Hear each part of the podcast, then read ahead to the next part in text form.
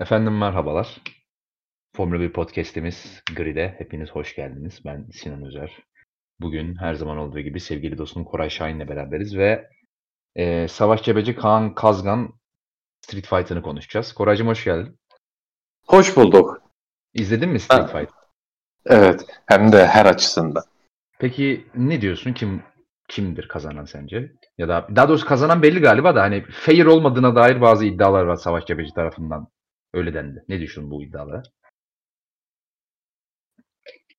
Ne konuda adil değilmiş? Çok söylemeden başlamış kavgaya. Kaan Kazgan.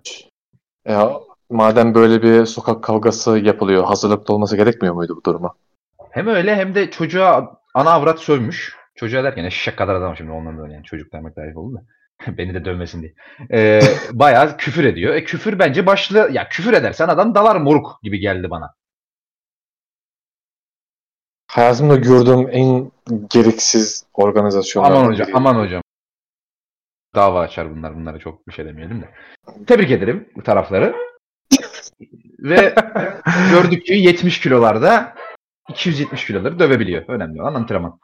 Kas. Abi bir şeyden, ya kavgadan öte bence devamlı yeni açı yüklendi. Yeni olduğu Evet. videolar düştü. Bence o daha iyiydi yani. Yemin ediyorum Şampiyonlar Ligi'nde bu kadar kamera yok. Doğru. Ne- Milletimiz ne meraklı bu kavga mavga işlerine aga ben anlamadım ya. Ya zaten ben çıkış noktasına biraz baktım can sıkıntısından o gün ne oluyor niye herkes bunu konuşuyor diye. Arkadaş şimdi hakaret edeceğim dava açacak. Demiş ki, ki şey olan kaslı olan arkadaş. Ya demiş işte demiş isterse dünya şampiyonu olsun bilmem terminatör olsun ne olsun olsun 70 kilo adam beni dövemez. Ya kardeşim Habib Nurmagomedov kaç kilo? E, gözünü seveyim yani. Öyle olmuyormuş sanki bu işler. Deyip biz ana konumuza devam ediyoruz. Kiloyla olmuyormuş sanki o işler. Ana konumuz bu değil miydi ya? Ya işte bir de yan konularımız var. Doğru doğru söylüyorsun. Ee, yoğurtlu ıspanak. Sever misin? Severim. Yok sevmem. Sevmem. Ne dediğini de unutuyorsun kardeşim ya. Sevmem. Yoğurtlu Ee, ıspanak. onun hiç- dışında evet evet biliyorum. Senin ağzının tadının olmadığını biliyorum. Onun dışında şey sever misin? Ee, çok sevdiğim benim bir Karadeniz şarkısı var. Onu da sana sormak istiyorum. Ne geliyor acaba? Ee, haram olasın haram diye çok güzide bir Karadeniz Türk Karadeniz türkümüz vardır. Aşk türkümüz. Ben Evet. seni alamadım. Param yoydu param. Ee, seni benden alana haram olasın haram. Bence kendi duygu durumunu muhteşem bir şekilde anlatmış. Gerçekten çok güzel anlatmamış mı bu arada? Evet. Hiç öyle Net. cümlelere girmeden net bir şekilde anlatmış. Parası çıkışmamış moruk. Olabilir yani. Katılıyorum. Türkiye'nin şu anda içinde bulunduğu durumu da bence sosyoekonomik olarak da güzel anlatmış gibi yani. Be- Ben de sana bir soru sormak istiyorum. Sence bu Tabii ki. şarkı e, overrated mıdır, underrated mıdır? Karar ver. Ya ben anlatamadım ya. Sen benden anlat. Ya rate bile etmiyorum bu şarkıyı deyip daha fazla saygısızlık yapmadan e, podcast'e devam etmek istiyorum. Çünkü dava dava işlerinden korkuyorum abi. Ben her şeye dava açıyor millet. Selam veriyorsun dava açıyorsun. Uğraştır beni gözünü seveyim. Dinleyiciye tutar. Gıcığın biri tutar adama atar. Bu, bu lavuklar size böyle dedi diye falan filan. Gözünü seveyim beni uğraştırmayın. E, aynı zamanda hani çok önemli bir konusu değil bu haftanın ama bir de yarış vardı Singapur'da. Formula 1 Hmm. izledin mi? Yok kavga izliyordum ben. Kavga. Doğru doğru evet ona odaklanmaktan oraya odaklanamadık.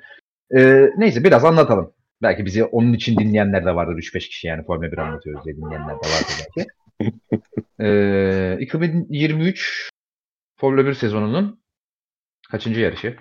ya bu cümleye başlıyoruz. Başlay bu cümleye başlıyorsan o yarışın kaçıncı yarış olduğunu da bileceksin abi değil mi? Yani niye giriyorsun o zaman bu topa yani? Ben mesela ka- 15. yarışıymış. Ya mesela bunu bilmeden bu cümleye niye giriyorsun değil mi? Ha. Ee, İki- 2023 sezonunun 15. yarışı eee Singapur Grand Prix'si ile beraberdik bu hafta sonu. Beraberdik. Nasıl? İnsan herhalde. Eee şöyle hafta sonunda bir girizgah yapalım. Eee, başlamadan önce tabii hafta sonunda yine birkaç tane ekstra notu paylaşayım. Liam Lawson yine bu hafta sonu Ricardo'nun elinde yaşadığı sakatlık dolayısıyla bu hafta sonu da eee Alfa Tauri'nin ikinci pilot olarak Yuki Tsunoda'nın yanında yarıştı. Eee, C3, C4, de- C5 Pirelli'nin şu anda takımlara sunabildiği en yumuşak lastiklerle gelindi buraya. Tahmin edebileceği üzere herkesin. Eee, antrenmanlardan başlayalım.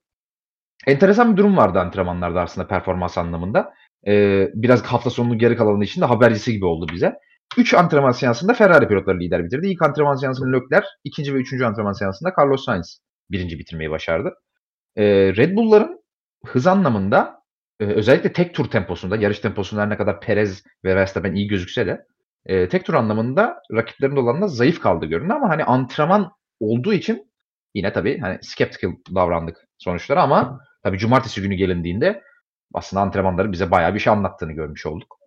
E, sıralamaya geçiyorum çok uzatmadan. Q1'de e, enteresan işler oldu. Gerçekten tuhaf bir Q1 oldu. Bir kere pist her saniye çok ciddi şekilde hızlanıyordu. Yani bir, yani pilotların öndeki pilotlar, en hızlı pilotlar dahil olmak üzere, en, en hızlı araçları kullanan pilotlar dahil olmak üzere. Yani atıyorum seansın ikinci dakikasında attıkları turu seansın beşinci dakikasında yarım saniye bir saniye geliştirebilecekleri bir ortam vardı. Yani sanki e, hiç yol tutuş yokmuş gibi pistte. Tabii buna e, cumartesi gününün başında yağan yağmurun da etkisi olabilir. E, ama böyle bir durum vardı. Git, çok, gitgide seansın dakikaları ilerledikçe çok radikal şekilde turlar hızlan. Yani track evolution dediğimiz şey diğer pistlerde nazaran oldukça yüksek seviyedeydi burada. Ve e, Q1'in son hakları için pilotlar piste çıktığında ya gridin normalde sezon boyunca en yavaş olan araçları bile işte Alfa Tauri'ler vesaire diye önlerdeki öndeki pilotların Ferrari'lerin, Mercedes'lerin, Red Bull'ların vesaire ilk seansın ortalarında vesaire attığı turları çok rahat bir şekilde geçebildiler 0.304 saniye falan. Ve seansı da zaten Sunoda lider bitirdi. Ee, çok ciddi şekilde elenme tehlikesi altında olan pilotlar vardı. Özellikle Hamilton ve Alonso elenecek gibi duruyordu ama seansın sonunu kırmızı bayrakla bitirdik. Ee, Aston Martin pilotu Lance Stroll son virajda arkasını kaybedip aracın arkasını kaybedip çok sert bir şekilde start finish düzünün sağındaki duvara girdi ve aracının sol tarafı neredeyse tamamen yok oldu, paramparça oldu. Çok oldukça sert bir kazaydı. Ama hasar almadan atlatmayı başardı bu kazayı Lance Stroll. Ee, bu kaza sayesinde elenecekmiş gibi görünen Hamilton ve Alonso da elenme, elenmekten kurtulmuş oldu. Sürpriz sayılabilecek elenme e, burada McLaren pilotu Oscar Piastri'nin elenmesi oldu. Ee, ilk seansta elenen isimler de Bottas, Piastri, Sargent, Guanyu ve kaza yapıp son sırada yer alan Lance Stroll oldu. Ee, tabii Lance Stroll'ün bariyerlerde e, yaratmış olduğu çok ciddi hasar sebebiyle seans 2, Q2'nin başlaması yaklaşık 30 dakika gecikti. Ee, bu sırada tabii Q2'nin en çok konuşulan olaylarından bir tanesi. Ha şu notu söylemeyi unuttum bu arada. Çok özür dileyerek hep tekrar Q1'e dönmek istiyorum. Q1'in başında pilotların pit yolundan piste çıkışları sırasında Max Verstappen'in araçta yaşadığı bir problem nedeniyle ee, daha sonradan öğreniyoruz araçta yaşanan, yaşanan bir problem olduğunu tabii. Canlı kameralar ilk başta gösterdiğinde hatta biz Koray'la izlerken şöyle dedik hani çok bekliyor Verstappen buna bir uyarı gelmesi bir şey gelebilir hatta ceza gelebilir dedik. Çünkü çok ciddi şekilde pit yolunun sonunda yani yaklaşık 30-40 saniyeye varan bir süre boyunca bekledi Verstappen ve arkadaki pilotların da piste çok geç çıkması sağladı. Hatta bunu iki kere yaptı. Ee, daha sonra tabii radyo konuşmalarından bir problem olduğu, çok açık şekilde konuşmasalar da bunu Verstappen'in sözlerinden bir problem olduğu anlaşılıyordu. Buna bir inceleme çıktı. Tabii seansın sonunda yani e, sıralamanın tamamlanmasının ardından bunun yarış hakemleri tarafından iyice inceleneceği söylendi. Ama bir ceza çıkmadı. Yine Q2'de de Verstappen e, sıralamaların sonundan incelen sonunda incelenmesine sebep olacak bir olaya daha karıştı. Yuki Tsunoda'nın hızlı turu sırasında ilk sektörde ikinci ikinci e, düzlüğe çık, çıkmadan önce e, çok net bir şekilde e, Yuki Tsunoda'yı engelledi. Yuki Tsunoda da radyodan çok sinirli bir şekilde zaten tepki verdi buna. Buna da herhangi bir ceza çıkmadı ki çıkmamasına bayağı şaşırdım. E, niye çıkmadı anlamadım yani. E, Q2'de zaten Q1'de de tek turda zorlandıkları görünen Red Bull'lar için zaten e, oldukça felaket bir seans oldu. Q2'deki ilk haklarının ardından pilotlar ilk haklarını tamamladıklarının ardından Verstappen 10. sırada Perez de 11. sırada yer aldı. Yani iki pilot da elenmenin eşiğindeydi. E, Q2'deki son haklarına çıktıklarında e, Perez ilk virajda yaptığı hatanın ardından ikinci virajın çıkışını spin atıp elenmeyi garantilemiş oldu. Verstappen de 11. sıradan e, tamamladığı turun ardından sadece 10. sıraya yükselmiş oldu. Ama arkadaki pilotların hatalarıyla vesaire zaten Tsunoda tur atamadı. işte e, Perez hata yaptı vesaire. E, Albon kendini geliştiremedi. Gezdi kendini geliştiremedi.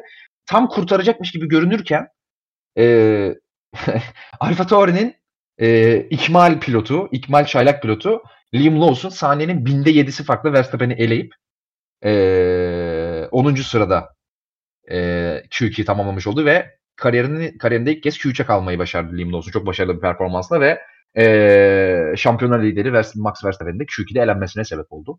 Tabii büyük bir sürpriz oldu. İki, iki Red Bull pilotunu birden Q2'de kaybettik. Q2'de elenenler de böylece Verstappen, Gezli, Perez, Albon ve Tsunoda oldu.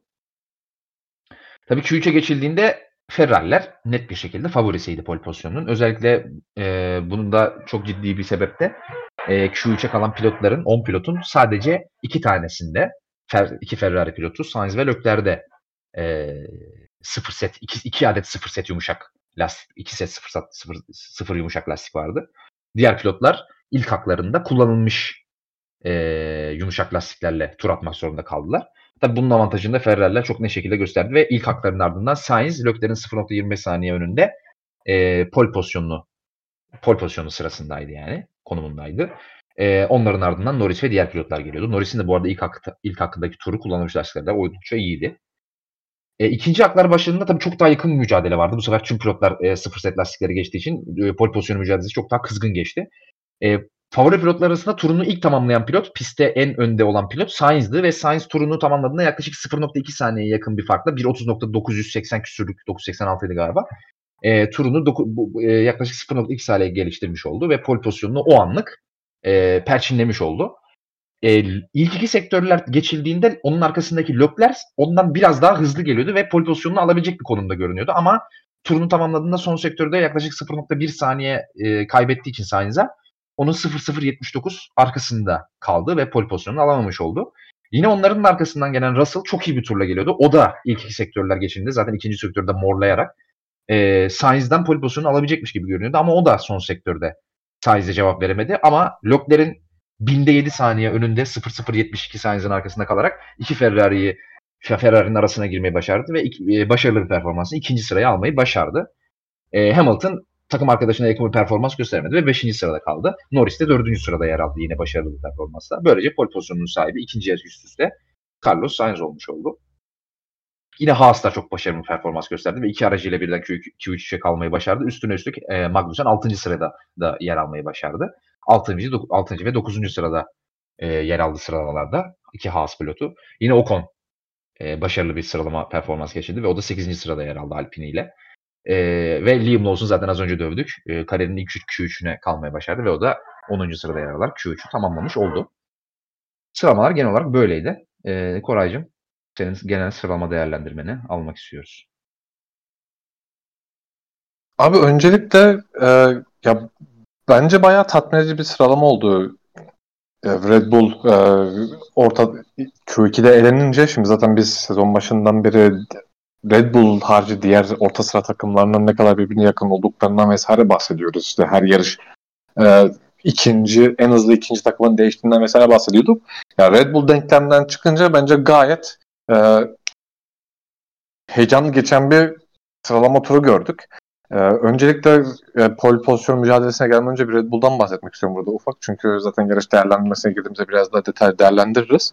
Ya antrenmanlarda ya Red Bull'un zaten biz daha önceden çok antrenmanlarda zaten çok daha yavaş kaldığını gördük Red Bull'un ama Red Bull'un zaten bu hafta sonu birçok deneme yaptığını gördük. Şimdi birkaç değişiklik ve direktif yayınladı. Onları da daha sonra konuşacağız.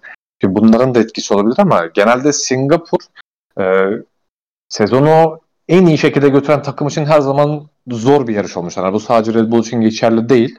Hani, hani bunu e, 2010 dönemlerindeki Red Bull'da yaşadığı ne bileyim işte ondan sonraki ondan sonraki Mercedes'te yaşadığı hani bu takımlar işte Singapur, Singapur gibi işte hem çok fazla virajın olduğu e, ve bu virajların çok büyük çoğunlukla yavaş olan e, virajlardan olduğu için Singapur pisti hani bu doğal olarak biraz e, bu takımları aşağı çektiğini zaten görüyoruz. Yani bu hafta bir de ekstra olarak ya zaten e, dediğim gibi Singapur daha çok yavaş virajlardan oluşuyor ki işte Red Bull gibi daha hızlı araçları daha kötü etkiliyor. Hani bu zaten Red Bull'un burada yavaşlamış olması çok sürpriz bir durum değil. Ama açıkçası ben e, bu e, yavaşlam evet yavaşlaması çok normal Red Bull'un ama yani bu Q2'de elenecek kadar bir yavaşlama olacağını ben zannetmezdim açıkçası ki bu başka şeylerin de bence olabileceğine bir gösterge en azından sıralama üzerinde Red Bull cephesinde. Ee, sen Liam Lawson'dan bahsettin ya yanlış hatırlamıyorsam testler dönemiydi. Testlere çıkmıştı ve e, galiba sezon için sezon başında da bir antrenmana çıkmıştı ama orada mesela e, Liam Lawson'ın ya benim o zaman kişilerime de baktım.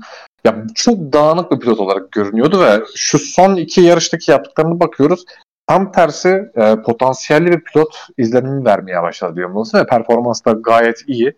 E, biz daha önceden işte şeyden bahsetmiştik işte eğer pilot bulamazlarsa Ricardo oranın büyük adayı olabilir hatta Red Bull tarafına da geçebilir diye söylemiştik. Ama ya şu an Ricardo'nun sakatlığı Liam Lawson'a çok büyük bir şans olmuş. Yani Ricardo'yu e, en azından Red Bull ve Alfa e, Tauri'nin düşünmeyeceği noktaya doğru gidebiliriz. Çünkü son e, iki yarışta tabii bunun kararını vermek çok kolay bir şey değil ama şu ana kadar yapması gereken her şeyi yaptı. Özellikle sıralamalarda da çok iyi Düşünmeyeceği dediğin Ricardo'yu mu düşünmemekten bahsediyorsun yoksa? Ha Ricardo ya şöyle e, Ricardo'yu e, tak, en azından Ricardo e, Liam Lawson aslında bir karar verme aslında çok fazla düşünmeyebilir. Liam Lawson seçerler yani. Hı hı hı. Ya pol mücadelesi hani dedim bunun için hani e, Red Bull'un e, lafını bölünce unuttun değil mi? Dağıldı konu. Çok özür dilerim. ben senin bu, bu oyunu unutuyorum ara sıra ya pardon. ya işte dediğim gibi Red Bull'un e, Q2'de elenmesi evet bir direktifler var konuşacağız. E, daha sonra işte pist yapısı var ama ya bu sadece pist yapısıyla Red Bull'lar Q2'de elenecek bir araç haline bence e, gelemez. Yani o bu, bundan bahsetmek istiyorum özellikle sıralama turları üzerinde. Ee, Q3'te pol mücadelesinde de ya Russell'ın biz ara ara özellikle sıralama performanslarını çok övüyoruz ama ya bu, bu hafta sonu bence e, yine e, çok özellikle orta sektörü çok özel bir tur attı. Son sektörü e, o kadar iyi değildi ama özellikle son turunda. Son sektöre gelmeden önce normalde Sainz orta sektörde hafta sonu boyunca çok çok daha iyiydi ama Russell o son turunda çok çok daha bir tur atmaya başardı ve e, bir karşılaştırma vardı. E, üçüncü sektörü gelmeden önce Russell polün sahibiydi. En azından e, Charles, e, Carlos Sainz'in önündeydi ki aynı zamanda Leclerc de ilk iki sektörde Carlos Sainz'dan daha hızlıydı. Yaklaşık 0.1 civarı bir fark vardı. Ve Russell o Leclerc'in de önündeydi. Yani öyle bir ikinci sektörle geliyordu aslında. İşte e, hem Mercedes'le de alakalı diyebiliriz. Üçüncü sektörde çok da hani kötü bir tur atmadı, kötü bir sektör atmadı ama e, ya hem aracın kapasitesi diyeyim Mercedes aracının kapasitesi çünkü Ferrari çok çok daha iyiydi bu hafta sonu. E, bu, bu, bundan kaynaklı ikinci sıraya düştü Russell doğal olarak ki hani bu dediğim gibi Russell'ın hep özellikle orta sektördeki performansını asla gölgelemez. Hani zaten Hamilton'a da yaklaşık bir 150 fark attı ki e, bu da çok büyük bir fark bence takım arkadaşına göre ki takım arkadaşı olarak Hamilton'dan bahsediyoruz. E, bir de Leclerc'in son sektörü var. Ee, dediğim gibi biraz önce ikin, ilk iki sektör sonrasında işte 0-1 saniyeden biraz daha fazla bir farkla öndeydi. Carlos Sainz'in ki son sektörde iki tane çok büyük bir arkadan kayması var Leclerc'in. Ya şimdi bu e, pilotaj olarak bahsedebiliriz bundan ama ya bu bunu sadece işte Lökler'in işte kötü sürmesiyle ilişkilendirebileceğimiz bir şey değil tamamen. Ya çünkü hem Sainz biraz daha e, nasıl söyleyeyim smooth bir e, sürü stili varken Lökler'in biraz daha keskin bir sürü stili olduğundan bahsedebiliriz ki özellikle işte Ferrari aracının yaşadığı dengesizliklerde vesaire hani bu Lökler'in biraz daha Sainz'in arkasına düştüğünü işte normalde biz Leclerc'i sıralamalarda çok çok daha iyi biliyorduk ve yani cebinden çok şey koyduğundan bahsediyorduk. Ya bu sene bunun tam tersini görüyoruz genelde. Ya bunun nedeni e, bununla çok net bir şekilde bağdaştırabiliriz. Hani bu tamamen e, Leclerc'in hatası ya da tamamen araca bağlayabileceğimiz bir şey değil. İkisinin birleşimi olan, olan bir şey. Yani Sainz biraz daha smooth bir pilot olduğu için şu an şu bu, bu aralar e, Leclerc'den biraz daha ön plana çıktığını görüyoruz sıralama turlarında ki Sainz de gayet e, bildiğimiz Sainz performansının çok çok üstüne çıktı özellikle son iki yarışta sıralamalarda. E, şimdilik sıralama turlarıyla ekleyeceğim şeyler bu kadar.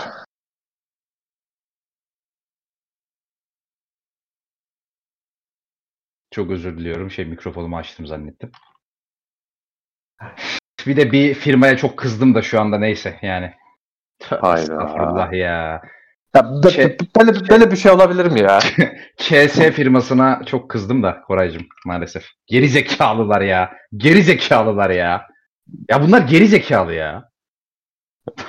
ya şimdi millet de muğlakta kalması bunu anlatıyor. Ya abi bir hediye gönderme firmasından bir hediye gönderdim. Geri zekalılar. O kadar geri zekalı ki. ya, abi acil gönderilsin diye seçtim. Mesaiye yetişsin diye. Geri zekalılar şey yapmış ya. Acil gönderilsin notunu da göndermişler hediyenin yanında. ya siz geri zekalı ya mahkemeye vereceğim sizi ya. Ya sizi mahkemeye vereceğim ya. Buradan kendine güvenen Acil. avukat arkadaşları arkadaşları DM'ye bekliyorum kendine güvenen avukat arkadaşlarımız. Acil sosyalizm lazım. Evet, e, sıralama değerlendirmeleri için teşekkür ederim. Bütün keyfim kaçtı geri zekalılar ya. E, abi biraz işinizi doğru yapın ya. Allah'ım ya. E, ne gülüyorsun ya? Allah Allah. Komik. Ha böyle bir böyle bir salaklık var mı ya? Ya b- b- b- böyle bir şey olur. Hacı Böyle bir şey- aldı böyle- böyle bir şey- verdi ya. Hakikaten Abdurrahim Albayrak gibi şimdi delireceğim ya. Ya bir not istedik. Ya canımız canınız mı istedi? Geri zekalılar ya, geri zekalılar ya. Neyse yarışa geçiyorum. Evet. İlk onda Allah'ım yarabbim. İlk onda eee yarışa başlaya, başlanılan lastiklerde sadece Leclerc'de soft lastikler vardı. 3 tur kullanılmış bir soft lastiklerle yarışa başlatmayı tercih etmiş Ferrari onu. Onun dışında ilk ondaki tüm pilotlarda kullanılmış medium set lastik vardı.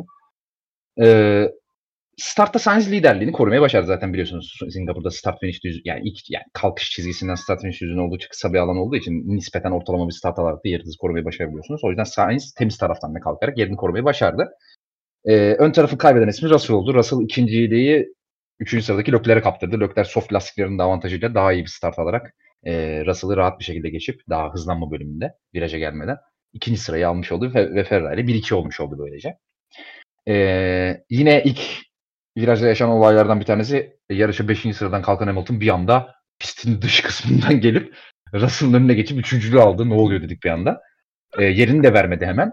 E, ikinci turda e, takım emri gelince takım arkadaşı Russell'a yerini geri verdi Hamilton. Ondan bir tur sonra da ceza yenmek için yine takımın direktifiyle, radyodan direktifiyle Norris'e yerini geri vermiş oldu. E, burada bir hemen bir fikrini almak istiyorum. Hamilton biraz sitem etti. Hani niye yerimi geri veriyorum? Bana yer kalmadı. Russell beni dışarıya etti. Ben de o yüzden dışarıdan geçmek zorunda kaldım dedi. Sen katılıyor musun bu yorumla? Abi katılmıyorum. Ee, çünkü Hamilton e, orada e, Norris miydi? Yan yana geldiklerinde Hamilton'ın viraja dönmek için çok çok net alanı vardı. Ee, ve aynı zamanda bu kadar pistin dışına taşmasına açıkçası gerek yoktu. Hamilton biraz burayı bence oynadı. Ee, biraz kurt öyle söyleyeyim. Kurt pilotluk yapmaya çalıştı bence. Çünkü e, bir de hamlesi çok sertti ve bence çok güzel oynadı o bölümü. Çünkü al- alan kalmadı. Ben de dışarı çıkmak zorunda kaldım. Biraz böyle, e, gösterme, hakemi aldatma yönelik hareket yapmaya çalıştı bence Hamilton orada ki e, her türlü pistte kalabilecek durumu vardı. Ki ondan sonra zaten bu tarz durumlarda e, ceza verilmeden önce de bu işin takımlar kendi arasında çöz, e, çöz, e, çözdüğünü biliyoruz. Daha sonra eğer bir çözüm bulamazsa bu iş işte yarış komiserlerine, yarış hakemlerine vesaire gidiyor. E, ki böyle bir durumda olmadı. Daha sonra işte hem Russell'a hem de Norris'e daha sonra yerini verdi ama ya burada ya ya çok temiz bir ya da çok e, olması gereken bir hamle değildi bence orada Hamilton'dan. Bu- bu- Bunu söyleyeyim. Ha, biraz büyüttü mevzuyu. Katılıyorum. Ya sen niye teslimat fişindeki acil yazısını ya Allah belanızı versin. Ee, hakikaten. Ya ne gülüyorsun bira ya? Böyle vallahi durup durup sinirleniyorum ya. Gerizi böyle bir gerizekalılık olabilir mi ya? Ya sen niye teslimat fişindeki acil yazısını teslim alan kişiye veriyorsun ya? Ya biraz inisiyatif kullanın abi. Gözünüzü seveyim ya. Gülüyorum çünkü benim de başıma gelmişti. Ama abi bu kadar salaklık olmaz ya. Ya bu kadar salaklık olmaz ya. Sence bunu alan kişi görmek ister mi? Hani bir düşünün değil mi ya? Sence bunu görmek ister mi? Hediyeyi alan kişi. E, tebrik ediyorum abi. Allah haklı Evet. of. Keyfim kaçtı. Yarışın ilk bölümü, e, ilk 20 turluk bölümü e, özellikle ön taraftaki pilotların oldukça yavaş tempoyla e, geçtiği bir bölüm oldu. E, çünkü pilotların tamamı uzun bir yarış. Singapur e, geçilen mesafe anlamında takvimdeki en uzun yarış. E, ve o yüzden de pilotlar tek pit stopla mümkün olduğu kadar yarışı bitirebilmek için e, ellerinden gelen tüm çabayı, tüm gayreti göstermeye çalışıyorlardı. O yüzden gidebileceklerinden çok daha yavaş bir tempoyla gidildi. Özellikle yarışın ilk 20 turluk ilk bölümünde. E, Ferrari ilk iki pilotunun birden ön tarafta olmasının avantajını kullanmak için ve Sainz'a da bir hani hem yavaş gitmesi hem de yavaş giderken lastiklerini koruması için hem de bunu yaparken de aynı zamanda arkadan bir undercut tehlikesini engellemek için bir hani bir nefes bir breathing space oluşturmak için dökleri kullanma kararı verdi 10. turdan itibaren. Büyük ihtimalle bu kararı 10. turda vermelerinin sebebi tahmin ediyorum. Lökler'in soft lastiğini de soft lastiğe de sahip olduğu için Lökler ona Sainz'i geçebilmek için bir fırsat tanıdılar. Ama bu gerçekleşmeyince e, Lökler'i tampon olarak kullanma kararı verdiler. Ve e, Lökler'e Sainz'la olan farkı 3 saniyeye çıkarması gerektiği hem kendi lastiklerini daha iyi koruması için, türbülanstan çıkması için hem de Sainz'e dediğim gibi bir hareket alanı açılması için, onun under, ona yapılacak rakiplerden gelecek bir undercut'ı engellemek için böyle bir talimat verildi. Lökler iki küsür saniyelere kadar çıkardı aslında bu talimat ilk geldiğinde. Farkı ancak Sainz oldukça yavaş gittiği için arkadan da bir tehlike yaşamamak adına Lökler, bir atak tehlikesi yaşamamak adına tekrar bir nebze hızlandı ve tekrar Sainz'in DRS'sine kadar geldi. Ferrari yine e, direktifini tekrarladı ve farkı tekrar 3 saniyeye kesinlikle çıkarması gerektiğini söyledi. Bu sefer Leclerc farkı 3 saniyeye kadar çıkardı ve kısa bir süre sonra bu sefer farkı 5 saniye çıkarmasını söylediler. Yani Leclerc'e tam olarak as- aslında tampon olarak kullanma kararını vermişti orada. Yine burada bir verip fikrini almak istiyorum. Bu çok yani ben de aslında ilk başta hani dalgasını falan geçtik Twitter'da yani Ferrari bayağı Sainz gaza basmıyor diye e, hani Ferrari tampon olarak kullanıyor ama aslında bakıldığı zaman doğru her yani yarış galibiyetini garanti altına almak için doğrusu buydu gibi düşünüyorum ben. Hani şey diye kızanlar çok oldu. Yani 1-2 yapabilecekken e, bir galibiyeti garantilemek için podyumdan ettiler lökleri falan ama yani yarışın gidişatı göz önüne alındığında şimdi bir tabii artık hindsight konuşabiliyoruz artık yarış bitti için ama yani yarışın gidişatı göz, al, göz önüne alındığında şu anda e, bunu yapmasalar hani sadece bir turluk bir undercut'la bile arkadaki Russell, Norris, Hamilton e, çok rahat bir şekilde sanki Sainz'in liderliğini alabilirmiş gibi. E, o yüzden ben hani yarış galibiyetini garanti altına almak için acımasız ama doğru söyleyebilecek bir karar verdiğini düşünüyorum Ferrari'nin burada. Sen ne düşünüyorsun? Abi katılıyorum. Ee, şöyle ama e şimdi e, Lökler'in podyumuna mal olması, e, podyumunun gitmesinin nedeni oradaki 3-5 saniyelik farkı açmak değildi. Öncelikle onu söyleyeyim. E, çünkü orada işte e, Lökler bu yüzden podyum kaybedildiği gibi e, algılar ama aslında tam olarak öyle değil o. Çünkü o mevzu e, virtual safety car altında gerçekten pitler sonra, sonra daha sonra detaylı konuşuruz ama ilk başta bunu söyleyeyim. İkinci olarak da ya zaten yarışın başlangıcında Ferrari hem Sainz hem Leclerc'e farklı strateji uyguladı. Çünkü e, Sainz medlerle başlarken Leclerc de softlarla başladı. Hem çünkü Leclerc üçüncüydü hem Russell'ı e, arkasına alma ihtimali daha fazla. Çünkü bunu da düşündü doğal olarak Ferrari ki. Bununla beraber farklı stratejilerdi ki e, ben yarışın ilk 10 turunda Leclerc ve Sainz mücadelesine karışmadıklarını düşünüyorum Ferrari'nin ki bunun aksi bir şey duymadık. 3 saniye 5 saniye fark e, telsiz mesajını duya, duyana kadar. E, o zamana kadar da zaten hani ee, Ferrari'nin zaten temposu çok düşüktü. Ya yani doğal olarak düşük. Yani aracın yavaşlığından ziyade lastik korumadan kaynaklı ama yani Leclerc'de softları olmasına rağmen e, bu bölümde atak yapamadı ki. Zaten bu kadar yakın gitmek Pirelli, Pirelli lastiklerine hiç uygun bir şey değil. Bunu da biliyoruz. E, bunun üstüne Ferrari'nin bir de e, kötü lastik kullanımı eklenince durum daha kötü olab- olabiliyor. Hatta e, Lökler'in eğer bu yapılmasaydı tamamen podyumuna mal olabilirdi normal şartlarda. Onun için buradaki bence Ferrari'nin stratejisi, stratejisi doğruydu. Hem yarışma imkanı verdiler sezon e, yarışın başında. E, geçebiliyorsa geçecekti çünkü Lökler. E, bu gerçekleşmeyince de e, doğal olarak artık Sainz'ın galibiyetini daha fazla garanti almaya çalışma e, çabaları başladı Ferrari'de ki buraya kadar bence her şey doğruydu. Lökler de bence bu e, dönemi çok iyi yönetti. Çünkü e, şunu gördük. 3 saniye farkı açması gerektiği söylen, söylendikten sonra o ara DRS mesafesindeydi Lökler. Bir ara işte 1,5 saniyelere çıktı. Daha sonra işte e, tekrar DRS mesafesine geldi Lökler. Daha sonra tekrar bir e, yavaşlama sürecine girdi. 2 saniye çıkıyor. Bu bu şekilde azala yükseli azala yükseli kademe kademe gerçekleşti ve Lökler bence burayı çok iyi idare etti.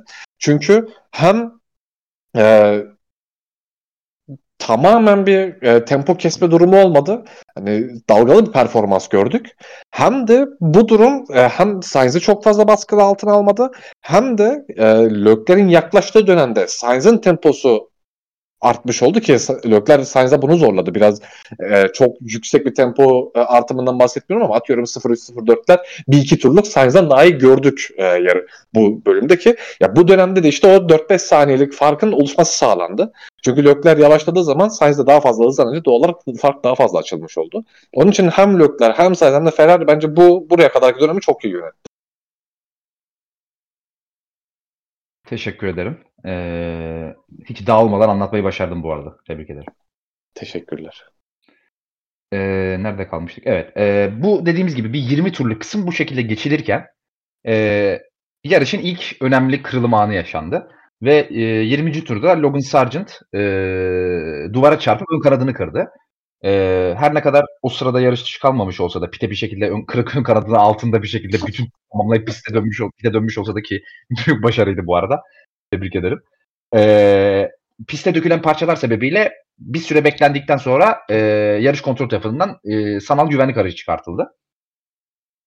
Bu sanal güvenlik aracıyla beraber tabii öndeki pilotların hiçbiri o sırada pitini yapmamış oldukları için e, bundan faydalanarak e, teker teker pite gel- gelmeye başladılar. Tabii Sainz ile Leclerc'in arasında açılan o hemen güvenlik aracı, sanal güvenlik aracından önce açılan 4-5 saniyelik farkı kullanarak Sainz e, neredeyse tek başına hiçbir engelle karşılaşmadan pite girip hard lastiği takıp pitten çık rahat şekilde lider çıkmayı başardı. Ama Leclerc tabii double stack'in onlara getireceği dezavantajı düşünerek Sainz'in arkasında takılmamak için arka grubu iyice yavaşlattı ve pite girdiklerinde yaklaşık 10-11 saniye kadar çıkmıştı fark sanal güvenlik aracı arkasında. Ama yine de Leclerc ne yaparsa yapsın e, tabii Ferrari pit duvarının da Red Bull ve Mercedes'ten daha e, gridin yani e, şey hmm, gridin diyorum pit yolunun başında yer alması sebebiyle e, arkadakileri beklemek zorunda kaldı pit çıkışında ve hem Norris hem Russell'da sırasını kaybedip dördüncü sıraya düşmüş oldu böylece. E, güvenlik aracı yani 23. turda e, yeşil bayrakların sallanmasıyla beraber çıkmış oldu pistten ve tekrar yarış kaldığı yerden devam etti. Tabii bu sırada e, yarışa hard lastiklerle başlayan Red Bull'lar e, bu güvenlik aracı periyodunda pite gelmediler ve e, eski hard lastikleriyle diğer gridin neredeyse tamamında yeni hard lastikler varken eski hard lastikleriyle piste kalmak zorunda kaldılar. Ama e, öndekilerin pite girmesinden faydalanarak Verstappen ikinci sıraya, Perez de beşinci sıraya yükselmiş oldu. E, bu piste kalma kumarı e, yani tabii yine Verstappen yarışı 5. bitirdiği için e, olaylardan da faydalanarak yani tuttu tutmadı tam kestirmek zor. Daha alternatif ne yapabilirlerdi çünkü yani daha sadece 20-21. turda pite girip de yani medium lastiği yarışın sonuna kadar götürmeleri mümkün değildi. Aslında biraz da el, el mecbur olmuş oldu Red Bull için. Ee, tabii biliyorsunuz hard lastikleri ısıtmak zaten zordur. Üstüne üstlük bir de eski hardları ısıtmak oldukça zordur ve e, her iki pilotta, her iki Red Bull pilotta o eskimiş hard lastiklerini güvenlik aracından sonra soğu, soğumuş halleriyle ısıtmakta çok zorlandılar. Ve e, arkadaki pilotlara çok da fazla dayanamadılar. Özellikle Perez çok ciddi sıra kaybetti. E, Verstappen de önce Russell'a daha sonra Norris'e daha sonra da Leclerc'e geçildi ve ondan bir tur sonra da e, Hamilton'a geçildi. E, teker teker yerlerini kaybetmeye başladılar ama e, yine de reaksiyoner davranmadı Red Bull ve bir süre daha pilotlarını yani pilotları medium lastiklerle yarışı bitirebilecek raddeye gelene kadar e, piste tutmayı tercih ettiler artık. Hani batta balık yan gider şekli. Ve 42. turda pite geldi e, Verstappen. Ve medium lastiğe geçti. Zaten ondan ya, yanlış hatırlamıyorsam bir tur veya iki tur sonra Perez gelmişti. O zaten son sırada döndü. Sadece galiba Guan Yu'nun önünde ya 19. ya 18. sırada geri, geri döndü piste. E, Verstappen de 15. sırada geri dönmüş oldu. 0 set medium lastikleriyle beraber piste. E, burada farklı yapabilecekleri bir şey var mıydı sence Red Bull'un? Yani sonuçta daha yarışın 20 turu bitmişti güvenlik aracı çıktığında. 70 küsür tur, 72 turluk bir yarışta ne yapmaları gerek? Yani 50 tur medium lastikler gidemezdi. Şöyle yorumlar okudum hani çok büyük ihtimal iki yani burası Singapur olduğu için son 5 yarışta 10 kere güvenlik aracı çıkmış. Hani Red Bull bir kumar oynayıp burada pite girip e, ikinci bir gü- güvenlik aracı kumarına oynayıp orada tekrar pite girmeyi deneyebilirlerdi. Böylece hani eski lastiklerde piste kalmamış olurlardı dendi. Ben katılmıyorum. Bence doğru yapabilecekleri tek şey buydu bence piste kalmaktı. Ee, sen ne düşünüyorsun? Abi zaten e, bu senin bahsettiğin Verstappen ve Perez'in geriye düştüğü dönemde zaten e, normal şartlarda e, pite girse pite, e, pite girecek olsalar zaten Red Bull'lar puan ihtimalini kaybetmiş, kaybetmişti. 19. 15. zaten e, piste dönmüşlerdi. Evet daha sonrasında işte e, bu arada o grubun arası çok çok far, açık değildi. Yani Red Bull'u evet ne kadar sorunlu bir hafta sonu geçirmiş olsa da hani bu grubu yakalayabilecek seviyedeydi yine Red Bull.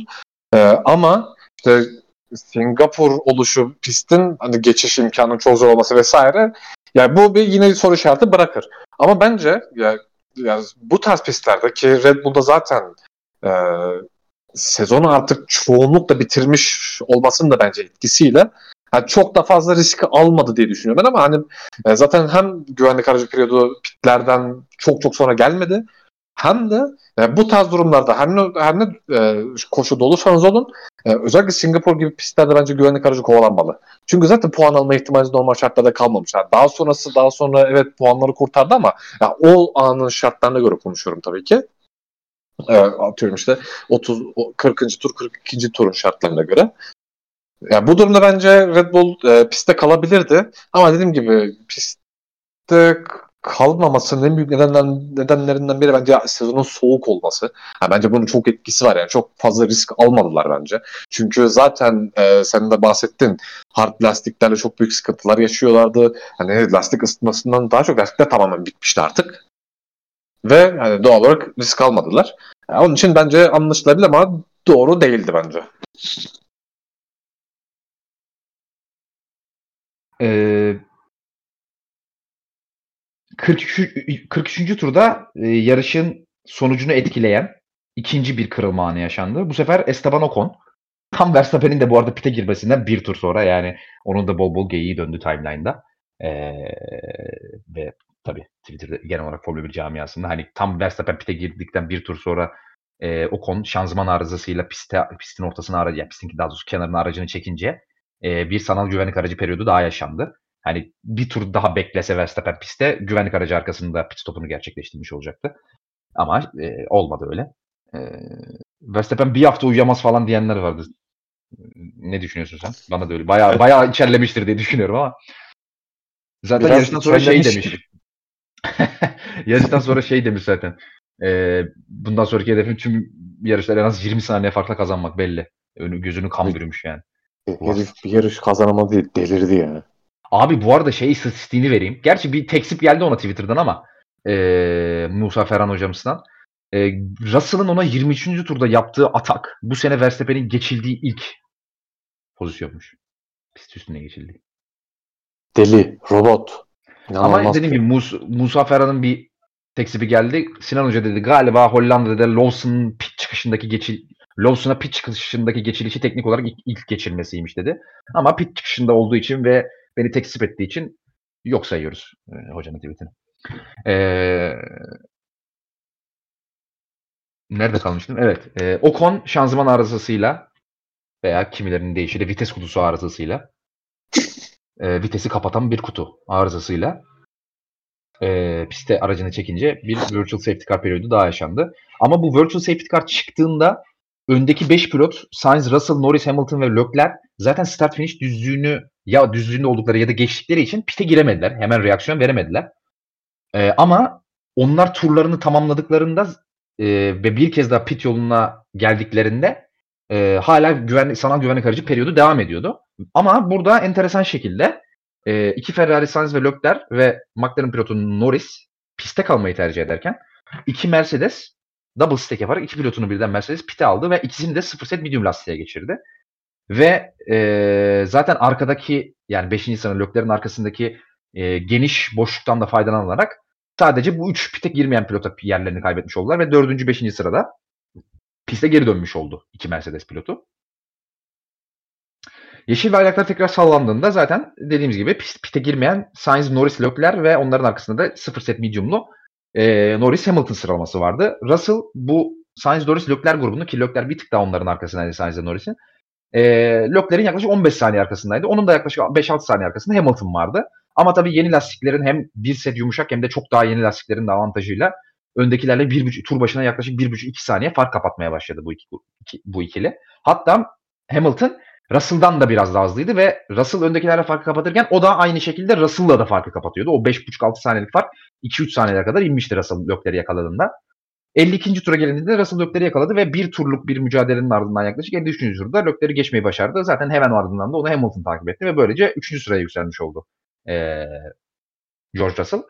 E, Leclerc'i geçtiğinde önünde Norris'te yaklaşık 6 saniye gibi bir fark vardı e, Russell'ın. Ve e, zaten son turlara girilirken de yaklaşık son 5-6 tura girilirler, girilirken de Norris'i de yakalamayı başardı. E, burada tabii çok kritik olan bir şey vardı. E, yani zaten az çok F1'i takip eden ve anlayanlar da hani bas bas bağırıyordur. Tabii Sainz'ı destekleyenlerden bahsediyor.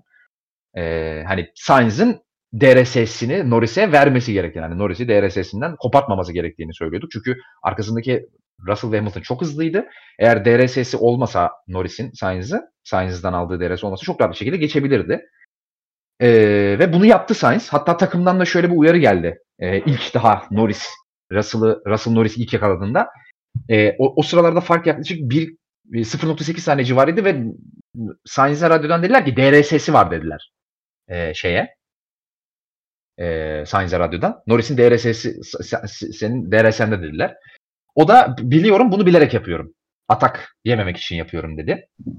E, ya 3 ya 4 tur kala Russell ilk ve tek ciddi hatanı ger- gerçekleştirdi Norris'e ve DRS ile beraber geçecekmiş gibi görünürken Norris'ten çok güzel bir karşı atak ve çok iyi bir savunma geldi ve yerini kaybetmemeyi başardı. Tabii Sainz'ın da DRS'sinde kullanarak ama gerçekten yine de geçilmesi gerekiyordu. Ama çok iyi bir şekilde kontratak geldi ve DRS bölgesinde Zero çok iyi yani çok hakikaten yani kariyerin belki de en iyi savunmasıydı Norris'in. Ee, çok başarılı bir şekilde yerini korumayı başardı Russell'a karşı. Ee, bu kapışma sırasında fark yine bir buçuk saniyeye kadar çıktı. E, Sainz ile Norris arasındaki fark. Ve hani Norris e, yine DRS'sinden çıkmış oldu ve hani bir sonraki turda eğer o DRS'sine Sainz'in giremeseydi çok büyük ihtimal yine Russell'a geçilecekti. Ancak turun bitişinden itibaren o ilk 3 virajlık kompleks kısımda Sainz çok ciddi bir şekilde yavaşladı. Bunun onboardlarını da bulabilirsiniz bu arada Reddit'ten, Twitter'dan vesaire. Çok ciddi bir şekilde yavaşlıyor ve tekrar o 1.5 saniyelik farkı 0.9-0.8 saniyeler kadar indiriyor ki Norris, tek, Norris tekrar düzlükte, ikinci düzlükte DRS'sini alabilsin. Ve bunu da başarıyor Norris ve o DRS'siyle beraber Russell'dan atak yememeyi başarıyor. Yani Sainz aynı şeyi ikinci kez çok başarıyla e, uygulamış oluyor. E, ve zaten Norris bir daha e, özür dilerim Russell Norris'e o yapmış olduğu atağı bir daha yapma fırsatı bulamıyor ve zaten son tura girildiğinde de e, sağ ön lastiğini duvara temas ettirip süspansiyonda hasar oluşturuyor ve frenlemeyi de alamayıp e, kafalama bir şekilde duvara girip yarış dışı kalmış oluyor e, George Russell son turda. Ve podyumu da kaybetmiş oluyor aslında. Podyuma da e, takım arkadaşı Lewis Hamilton çıkmış oluyor böylece. Sainz ve Norris eskimiş lastikleriyle birbir yani Sainz e, pist üstü pozisyonunu koruyarak Norris de onun DRS'sini kullanarak e, sıralarını kaybetmemiş oluyor böylece ve e, birinci ve ikinci bitirerek e, yarışı ilk iki sırada bitirmiş oluyorlar. Sainz de yarışı kazanmış oluyor. E, dediğim gibi Hamilton podyumun son basamağında yer aldı. E, Verstappen tabii yeni lastiklerin de avantajıyla teker teker ön, arka ve orta gruptaki pilotları birer birer geçti ve e, son turlarda iyice lastikleri tamamen mahvolan Lökler'den de e, tur başına 3,5-4 saniye daha hızlı geliyordu ama tur yetmedi ve hemen onun arkasında 5. sırada yer aldı. Russell'ın da kazasıyla beraber 5. de yükselmiş oldu. E, Leclerc 4, Verstappen 5 oldu de, böylece dediğim gibi. Gezli 6. sırada yer aldı yine iyi bir performansla. Piastri yine çok arkalardan kalkmasına rağmen oldukça iyi bir performansla 7. sırada yer aldı. Perez 8. sırada tamamladı yarışı. E, Liam Lawson yine çok çok iyi bir performansla 9. sırada yer aldı ve Magnussen o yarış temposunda normalde sürünen hasıyla kavga gürültü içerisinde yine bir aralar 14. 15. diye düşmesine rağmen kavga gürültü içerisinde tabii ki Russell'ın da kazasıyla e, ve o konuda yarış kalmasıyla günün son puanlarını alan isim oldu ve 10. sırada yer aldı. Evet enteresan son turlar izledik. Enteresan bir e, taktik kapışması izledik. Pite giren girmeyen pilotlar oldu. E, ama Sainz bir şekilde şahsi fikrim çok çok e, büyük bir e, hani sakinlik gösterip hani Norris mesela Russell Norris kapışmasında ilerleyip gidebilirdi nasıl olsa farklı bir buçuk saniyelere kadar çıkardın diye. Ama bunu yapmadı. Riske girmedi ve yine Norris'i DNS mesafesinde tutmak için yavaşladı. Bence çok doğru bir taktik strateji yaptı ve yarışın galibiyetini sonuna kadar hak etti bence. Ee, merak ediyorum yorumlarını yani Ferrari'nin stratejisi, Mercedes'in karşı hamlesi ve buna karşın karşı hamle yapmayan piste kalmayı tercih edip e, başarılı bir şekilde yerini korumayı başaran Sainz ve Norris. Neler diyeceksin? Abi öncelikle bir Sainz'a Sainz'a değinmek istiyorum ben.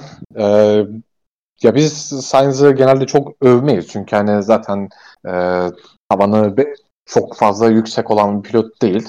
E, zaten genelde ikinci pilot seviyesinde gördüğümüz pilot ama ya kariyerinin e, en iyi yarış olabilir ya bence bu Sainz'ın. Çünkü ya şöyle evet hani Ferrari e, yavaş değildi ama bütün yarış boyunca e, lastikleri korumak zorunda kaldı Sainz.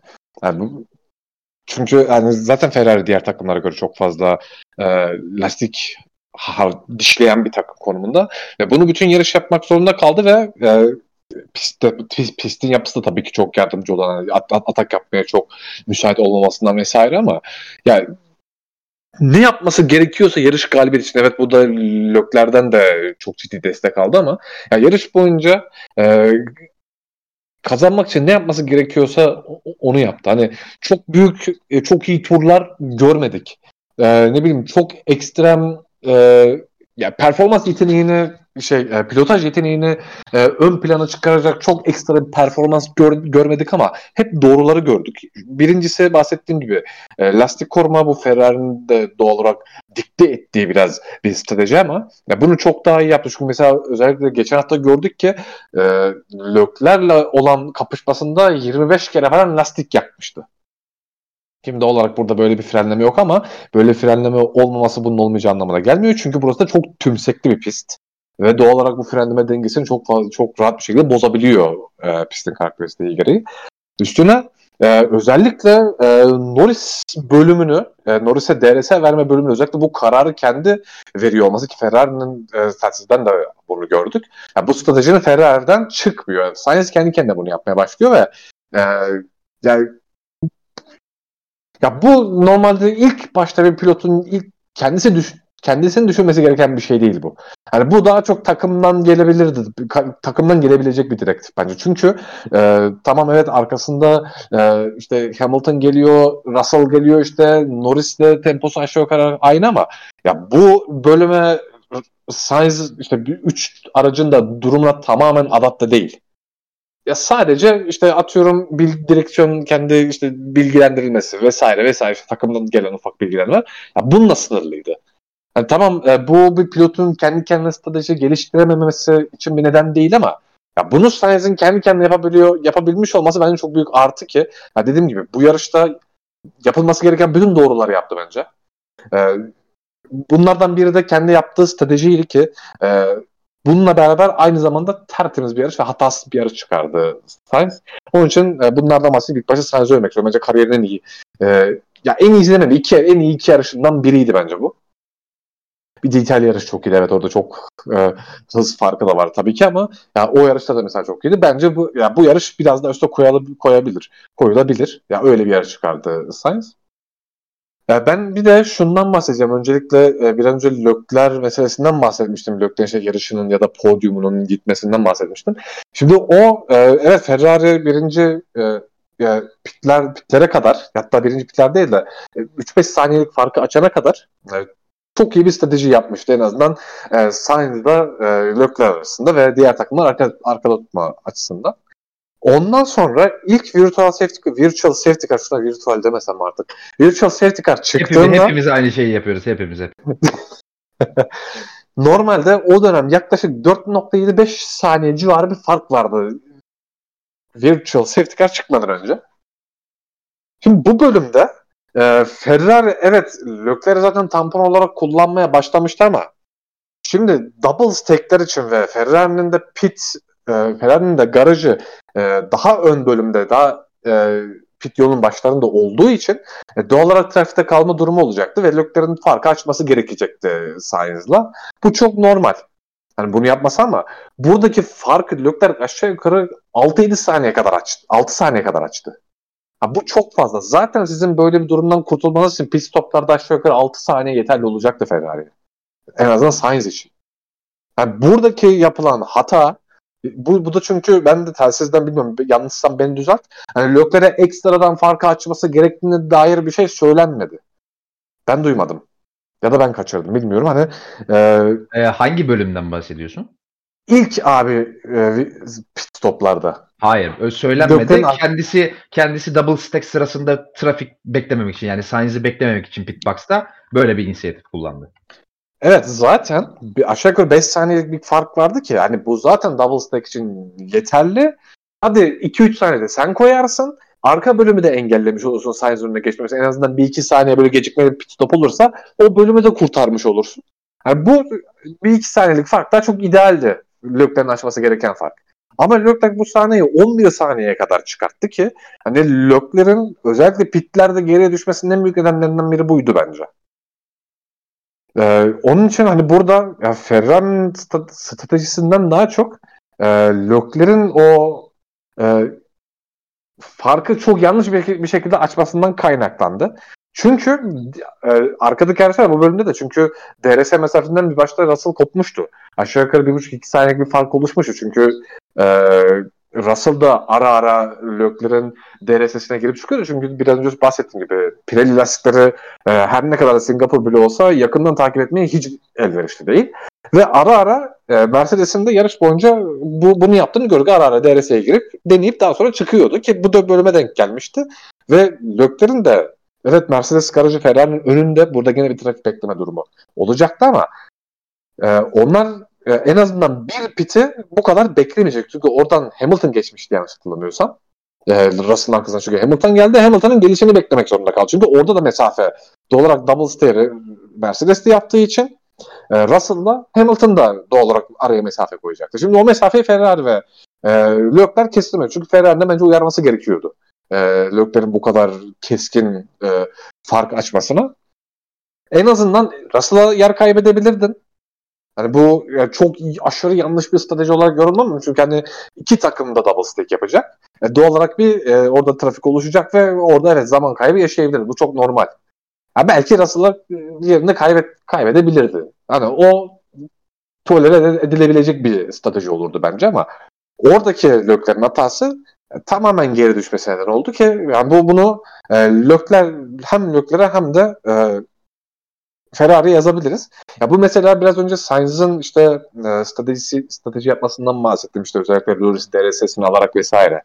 E şimdi Sainz'ın daha kar- karar vermesi daha kolay gibi görünebilir Sainz'ın yaptığı stratejinin ama yani Leclerc'in yaptığı da bu kadar e, Leclerc'in yaptığı bence aslında daha kolay bir durum. Çünkü e, dediğim gibi 6 saniyelik ve 5 saniyelik bir farkı 6 saniyeye kadar çıkartmak hem öndeki araç için hem kendisi, kendisi için en azından bir zaman kaybı için hani bu kadar fazla fark açması çok fazla anlaşılabilir bir durum değil.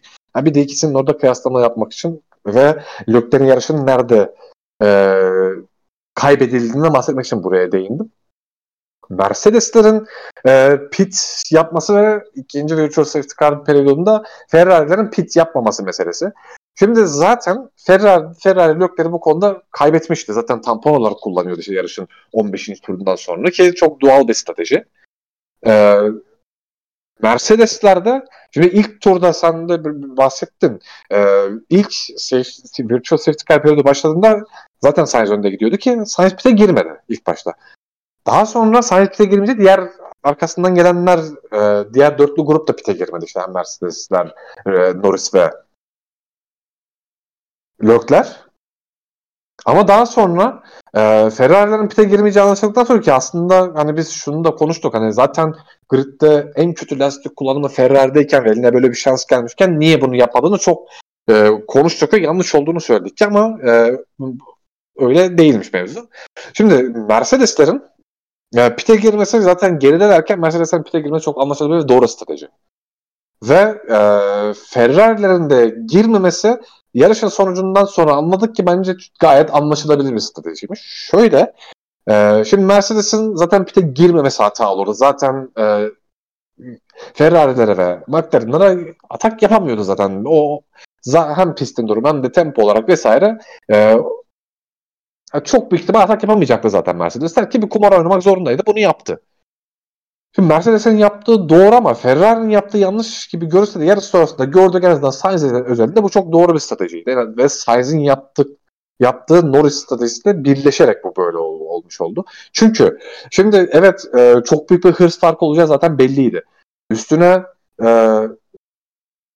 ara, arada Mercedes'lerin pite girmesiyle Leclerc ve Norris de e, doğal olarak araya girmiş oldu. E şimdi evet çok büyük bir hız farkı var. Bu pilotlar geçiremeyecek olarak bence görülmüyordu ama zaman kaybettirme ihtimalleri çok fazlaydı. Çünkü geçiş yapması çok zor. E, Sainz üzerinde böyle bir strateji düşünürsen gayet mantıklı. Çünkü aşağı yukarı 20 saniye yakın bir fark oluşmuş. Tam 20 değildi ama. E, ve ilk turlarda gördük ki 2,5-3 saniyeler kadar, kadar çok çok daha iyi tempolarla geliyor Mercedes. Ve Ferrari de tam tersi bütün yarış zaten lastik koruyarak devam etmiş. Ve artık e, zaten son 4-5 turda da sen zaten Tazi'de de söylemiş lastikin tamamen bitti demişti. Şimdi burada e, Ferrari'nin Sainz stratejisi ve Leclerc stratejisi bence şöyleydi. Leclerc'i Mercedesler pite e, girdikten sonra Leclerc pite alınabilirdi. En azından podyum mücadelesi için bu yapılabilirdi. Bu çok mantıklı olur ama bunu yapmayı tercih etmedi Ferrari. Çünkü bence yarış galibiyetini düşündüler. E, eğer bu yönde bir e, strateji yaptılarsa bence Leclerc'i de pit almamak çok doğru. En azından Leclerc'in podyumu e, kaybedebiliriz. Ama yarış galibiyetini elimizde tutabiliriz diye düşündüyse böyle bir risk aldıysa bu kabul edilebilir bence. Çünkü zaten geçiş yapması zor ve Leclerc'in üstünde bir de Norris var. Evet Ferrari'nin işte lastik sorunlarından bahsediyoruz ama ya McLaren'da o kadar yok mesela Leclerc ve çok kolay geçil, geçil, geçirme potansiyeli var da pit, ya, pit, yani pitler yapıldıktan sonra ama o, Norris o kadar e, kolay geçirme potansiyeli değildi. Yani Norris biraz daha zorlaması bekleniyordu zaten çok doğal olarak. E, onun için e, ya bu bölümü bence çok da kötü idare etmediler. Bu tabii ki yarış sonuna e, yarış sonucuna göre düşünüyorum bunu, söylüyorum. E, daha sonra da işte e, Mercedeslerin artık Norris'e yaklaştığında çok fazla bir tempoları kalmamış. Yani ondan önce de e, zaten Leclerc'e geldiklerinde de aşağı yukarı e, geçiş yapılmaya çalışan bölümde yaklaşık bir saniye yakın fark kaybettirdi Leclerc Mercedes'lere. İki Mercedes'e Şimdi bu bölümde doğal olarak e, Sainz'ın ve Norris'in çok işine geldi. Üstüne Norris'in arkasına geldiler artık lastikler de yavaş yavaş zaten e, tepe performansını kaybetmiş ama artık e, lastikler de bitmeye başlamış. Çünkü zaten çok yüksek tempoyla geldi ikisi de. E, daha sonra işte e, şeyin e, Sainz'ın yaptığı doğru strateji de doğal olarak Norris'i korumuş oldu. Ha, burada mesela onun için e, Mercedes'in Mercedes'in yap, Mercedes bence yapması gerekeni yaptı. Yaptığı strateji çok doğruydu. E, ama e, Sainz ve en azından Ferrari cephesine daha iyisi, daha iyi bir counter geldi öyle söyleyeyim. En azından yarışın son bölümü, DRS bölümü olarak. Ve hem Leclerc'i iyi kullandılar hem de ya geçiş yapmanın zor olması ve Ferrari'nin zaten yarış boyunca çok düşük tempoyla gidip geçirmemesini de göz önüne alırsak e, evet Leclerc'i feda ettiler ama Sainz üzerinde düşünürsek bence çok doğruyu yaptılar.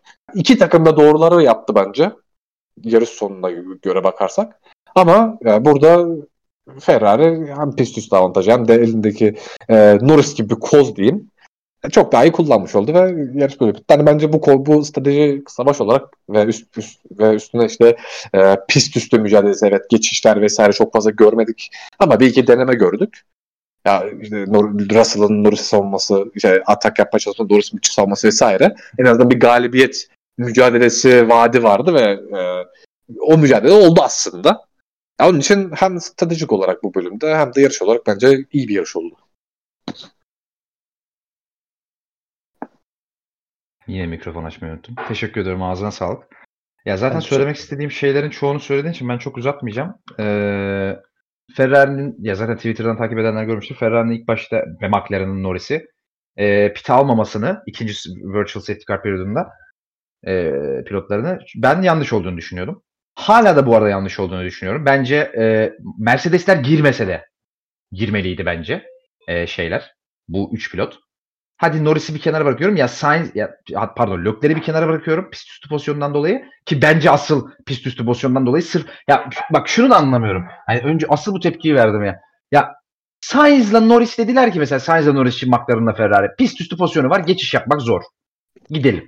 E abi Leclerc'in zaten kaybedeceği ne var ki? Hani alsana pite. Zaten mesela hani şey de var kafanda farklı stratejiler uygulayalım meselesini de zaten bir oturtmuşsun belli ki. Hani yarışa farklı lastiklerle başladık falan. E zaten Lökler yerini kaybetmiş. Zaten tempo anlamında çok bir şey vaat etmiyor. Zaten lastiklerden problem yaşıyor. E, al abi. Ya Mercedesler girmese de al. Ha, girdi zaten al. Hani, girmese de al. Farklı bir şey dene. Zaten pist üstü pozisyonu yok. Hani niye almıyorsun? Lökler'e almaması tamamen skandal bence Ferrari'nin. Ben Sainz'la Norris'i de alırdım Ferrari ile McLaren yerinde olsam. Çünkü özellikle zaten Ferrari burada şeyde olduğu gibi İtalya'da olduğu gibi zaten şeyde en hızlı takımdı. Hafta sonunun başından beri. Düzlüklerde en hızlı takımdı speed track'ta özellikle. Yani top speed anlamında acceleration'dan bahsediyorum ama top speed anlamında en hızlı takımdı. Hani biri pist üstünde geçiş yapacaksa zaten sen yapardın. Ben kesin alırdım. Ama dediğim gibi hadi Sainz'i pist üstü pozisyonundan dolayı almadan Leclerc'i almamak skandal bir karar. Ee, ama tabii yani kazandıkları için ve Norris de ikinciliğini koruduğu için yani o yüzden o iki pilot için yanlış yaptılar diyemiyorum. Belki de pite girseler yapamayacaklardı doğruyu ama ben yine de alırdım dediğim gibi. Çünkü e, o farkı Russell'la Mercedes kapattıysa Sainz'dan Norris haydi haydi kapatırdı ama sonuçta başarılı oldular mı oldular. Dediğim gibi çok üstüne söylenecek bir şey yok bence. Ama dediğim gibi Leclerc skandaldı. Leclerc kararı. Ee, yani yarış üzerinde onun dışında yani az önce konuştuk hani iki, ya zaten e, pit stop zamanlaması konusunda da şanssızdı Red Bull'lar. O yüzden hani daha fazla ne elde edilebilirdi bu yarıştan? Ee, çok bir şey düşünemiyorum. Onların neden zaten bu duruma geldiğini de zaten yarıştan sonra o kanat meselesini de konuşacağız. Ama yani ikimiz de farklı görüşleri var bu konuda diye biliyorum Koray'la. Geleceğiz oraya dediğim gibi. Ee, Lawson'ı öv- övdük zaten. Ee, ama dediğimiz gibi yani puan almasının sebebi aslında o konuda Russell'ın denklemden çıkmasıydı. Ama aldı mı aldı. Tebrik etmek gerek. Yani Sunoda'nın hem sıralamalarda hem de yarışta önde bitirdi sonuçta. 2 kere 2 4 yani. Ee, Piastri dediğimiz gibi günün cumartesi olmasa da, olmasa da pazar gününün başarılı isimlerinden biriydi. Gez yine başarılı isimlerinden biriydi günün. Ee, Magnussen'e zaten övdük. Yani böyle bir yarıştı. Yani şey e, biz hep hani sezon başından beri şunu söylüyorduk. Red Bull'lar denklemde hiç olmasa veya diğer pilot diğer araçlarla performans anlamında benzer yerlerde olsa inanılmaz bir sezon ve inanılmaz yarışlar izlerdik diye. Hani bu yarış öyle bir yarıştı. Ama bu sefer de Pirelli lastiklerine takıldık maalesef. Çünkü uzun olan bir yarışta tek pit stopla ve pit stop avantajı da burada tabii pit girişinden de dolayı oldukça ciddi bir zaman kaybediyorsunuz. Yarışın yani tam tempoda yeşil bayrak temposunda te ekstra girerseniz eğer bir fazladan yaklaşık 20 yani 30 saniye yakın bir e, zaman kazanmanız gerekiyor bu ekstra pit stopun sebebiyle. Bunu kimse uğraşmak istemediği için neredeyse bütün yarış boyunca e, düşük tempoyla gitmek zorunda kaldı pilotlar. Maalesef bu sefer de yarışın daha da eğlenceli olmasına Pirelli lastikler engel oldu. Ama dediğimiz gibi zaten her seferinde artık papağan gibi tekrarlamaya gerek yok. Sadece biz söylüyoruz bunları. O yüzden çok üzerinde durmaya gerek yok daha fazla. Ama yine de e, galibiyet mücadelesi en azından vardı. Bu da bu sezon çok nadir gördüğümüz şeylerden bir tanesi çünkü. Üstelik de birden fazla takımın pilotları arasında. Tam 3 takımın pilotları pilota, pilotları arasında. Mercedes, Ferrari ve McLaren. E, galibiyet mücadelesi izledik. E, her ne kadar atak anlamında bir şey göremesek de bir, bir şey vardı yani ortalıkta. Bu da iyiydi. E, böyle bir yarıştı. Beklentilerin iyiydi. E, hafta sonuna gelirkenki beklentiler ama pazar gününe gelirken, pazar uyandığımdaki beklentin daha fazlaydı ne yalan söyleyeyim. E, eklemek istediğim bir şey var mı yarışla ilgili? Abi. Yok mu dedin? Duyamadım. Yok. Ha, okay. Yok. Yok. Ee, böyle bir yarıştı. Ee, şimdi birkaç tane yarışla ilgili ve yarıştan bağımsız birkaç konu var. Onları da konuşalım ufaktan. Tabii bu hafta sonuna girilirken ki en önemli mesele pist üstü anlamında ve teknik anlamda en önemli mesele e, FIA'nın çıkarmış olduğu yeni teknik direktifti. Ee, bu direktif şun, şunla ilgili. Zaten bu direktifin geleceğini bu arada ta Azerbaycan'dan beri biliyorduk biz. Sadece zamanını bilmiyorduk.